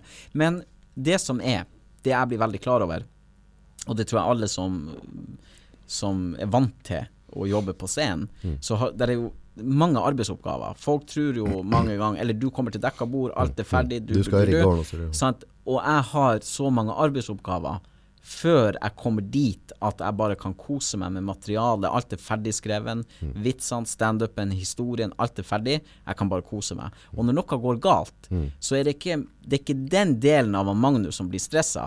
Det er den delen som har Tekniske. ansvaret Ja, for de ja, ja. tingene. På et kulturhus så er det andre folk. Da slipper du. Men sånn som i hjørnet, så, så er det så lite intimt, og det blir jo opp til meg å skal få fiksa det. Fikse opp, ja. Sant? Så, og, spesielt, og det er mange ganger. Og jeg hadde jo nesten 3000 publikummere oppunder jul i fjor. Og mikrofonen min funka ikke. For jeg skrur den på under en sånn introvideo, og så bare sjekker jeg. Ok, Og det kom ikke noe lyd. 3000 kan du ikke stå og gnelle Mm. Nei, nei, det går ikke. Sant? Men da viste det seg at teknikken hadde skrudd meg av. Jeg var ikke klar over det på forhånd. For det var en sånn litt sånn. Der har du faktisk et tips, uh, og det er uh, hvis, det- hvis det blir trøbbel, mm. uh, så, så bare adresser den rosa elefanten. Altså bare Mm. ikke lat som det ikke skjer. Nei, sant. For det har jeg opplevd tidlig i fasen her i podd og sånn, hvis det skjer et eller annet, si at Espen Finn nå må bytte kameravinkel og sånn, Mm. så ikke sitt og gjør eh, Nei. håndspråk. Bare si det. Du, Ja. ta vri på kamera. Det det er live. Det er det som er live, tenker jeg ofte at For da blir det ikke så skummelt til. Folk sier ofte liksom uh, Ja, er det samme forestillinga? Ja, det heter jo det samme. Det er jo Mm. samme forestillinga, men det er stor forskjell på forestillingen i så henseende at det er live, Mm. det kan skje ting. Det kommer historie, og det skjer ting. Det er Mm. live. Så det er klart det kan ikke bli det samme. Mye av historien er det samme, vitsene er mye av det samme. Og, men sånn som den kvelden òg. Bare for at du er du, og jeg er ganske kjapp i replikkene, så, så blir det humor som bare skjer der. Så går, hvis du ikke dukker opp på en forestilling, det er klart at du går glipp av noe helt spesielt. Ja, ja, ja. Det er akkurat som i teaterfaget. Ingen teaterforestilling er lik. Det skjer noe nytt, og noe som kanskje er, er fint å se på og høre på og sånn. Og du vil ikke være den som har gått glipp av det. Sant? For folk er veldig sånn Ja, nei, men vi, vi skal dra på det neste gang. Og da sier jeg, men neste gang Kanskje det her blir mye bedre enn neste gang. Du må komme nå. Mm. Ja. For folk er, folk er litt sånn I hvert fall nå i koronatidene, så er folk litt skeptiske på å gå ut. Men jeg sier det er helt trygt. Ja, er jeg, tror, altså, jeg tror folk savner å være ute. Ja. Det ser du ut på restauranter og sånn. Ja. Vi, vi er sosiale, vi har lyst til å være ute sammen folk. Ja. Og, vi, og alle arrangørene mine, kulturhusene, alle, det er forhåndsregler, det det er strengt. Ja. For vi skal ikke sette noen i fare. Men jeg tror kanskje mer enn noen gang nå er En kveld med Magnus aktuell. Mm. For nå kan vi prate om eh, Jeg har skrevet litt på. Ensomheten. Ensomheten, ja. Det å føle seg av Altså, det folk har opplevd i koronatiden, det mange sliter med hele året. Det Mm. å sitte alene. Det ringer ikke noe telefon. Ehm, ja, man er alene stort sett. Du sitter alene på bussen, du er alene på butikken. Alle de her tingene. Folk eh, er uten samboer, kjæreste, unger og alt mulig. Og mange har det sånn hele tida. Og ikke for at de vil, men for at de faktisk har dårlig psykisk helse. Ja. Så kan de ikke de tingene. Og det skal jeg prate litt om, og gi en stemme til dem, tenker jeg. Ja. Så bra. Eh, det var egentlig det jeg hadde. Jeg, synes vi, vi, jeg, vi, jeg føler Vi har røla på. Jeg vet ikke hvor lenge har vi kjørt nå, Espen? En time og tre kvarter. Snart to timer. Det er kaffehjørnet. Har de kommet seg gjennom det her, så er de gode. Jeg håper de drikker litt kaffe, da. Kan ikke du si noe til mine lyttere? Vet du, du har ganske mange lyttere på min eh, podkast òg. Uh, anbefaler på det sterkeste å aldri høre på Nordpodden. Eh, og så har vi en vlogg som er helt kokos. Ja. Den er egentlig bare for Nei, jeg, jeg tror eh, det blir, eh, blir litt for spesielt interesserte. Hva er det fineste med livet? Fineste med livet? Det må være livet.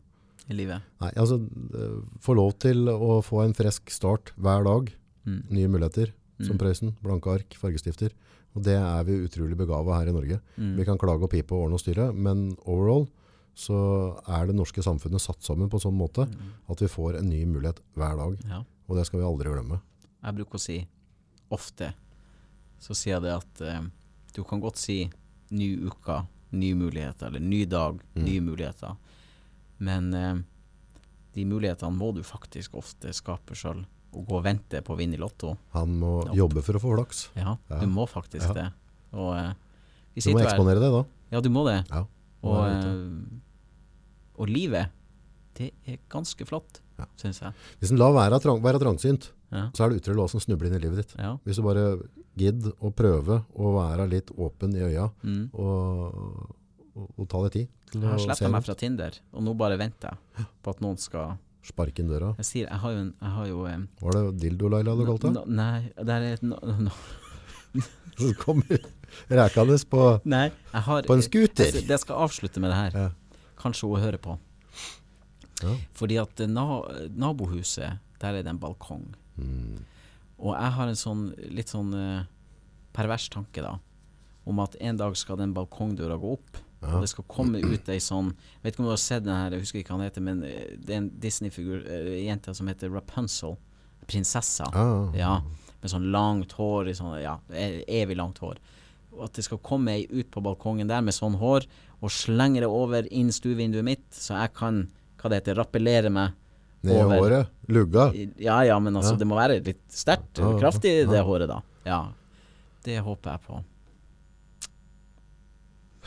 Med det, med det så, så satser vi på at vi kommer oss gjennom covid-19 nå, og så kommer vi oss videre og får sosialisert oss.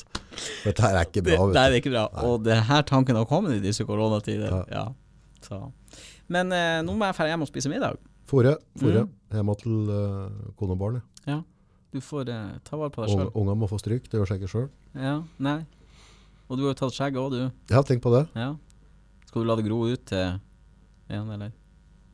Du ble liksom så Hva sier du? Ung og kjekk? Nei, ja Nei, sånn! Ja, ja, altså, Nei! Altså, jo, men eh, det, det, det, Var det rart? Det, ja, det var rart. Rett og slett merkelig å se på. Jeg har hatt skjegget i tre år nå, tror jeg. Sånn cirka. Jeg vet ikke helt hvorfor jeg begynte med det, men så bare ble det sånn. Men det var, eh, var veldig godt å, å få igjen eh, Det ble litt mer luftig. Ja. Ja, så jeg syns det, er- jeg synes det er veldig behagelig å ikke sånn- ha skjegg. Det var litt sånn eh, Sto til din karakter, den du er. Ja. For, men jeg har jo aldri sett deg Jeg har jo bare s- En gang i hver andre måned har jeg jo Ja, truffet deg. ja, da. ja. Og det er liksom en del av et image her i hodet. Ja, ja, ja. Om at nå må det tr- Det er litt trøkk. ja litt Ja. skjegg, skjeggubbe. Og nå var det litt mer sånn eh, Pjattat. Ja, det, var- det var ikke samme. Ja, men, men er det nasaskaftet og, og, og øh, rølpkjeften min, så, så veier det opp, tenker jeg. Ja da, du har for så vidt gjort det. Det. Du, nå skal jeg dra hjem. Vi Takk for ses. podden. Jo, like. Vi Ha en knakende fin helg. I like måte. Og fin helg til dere som hører på. Hvis det er helg, da.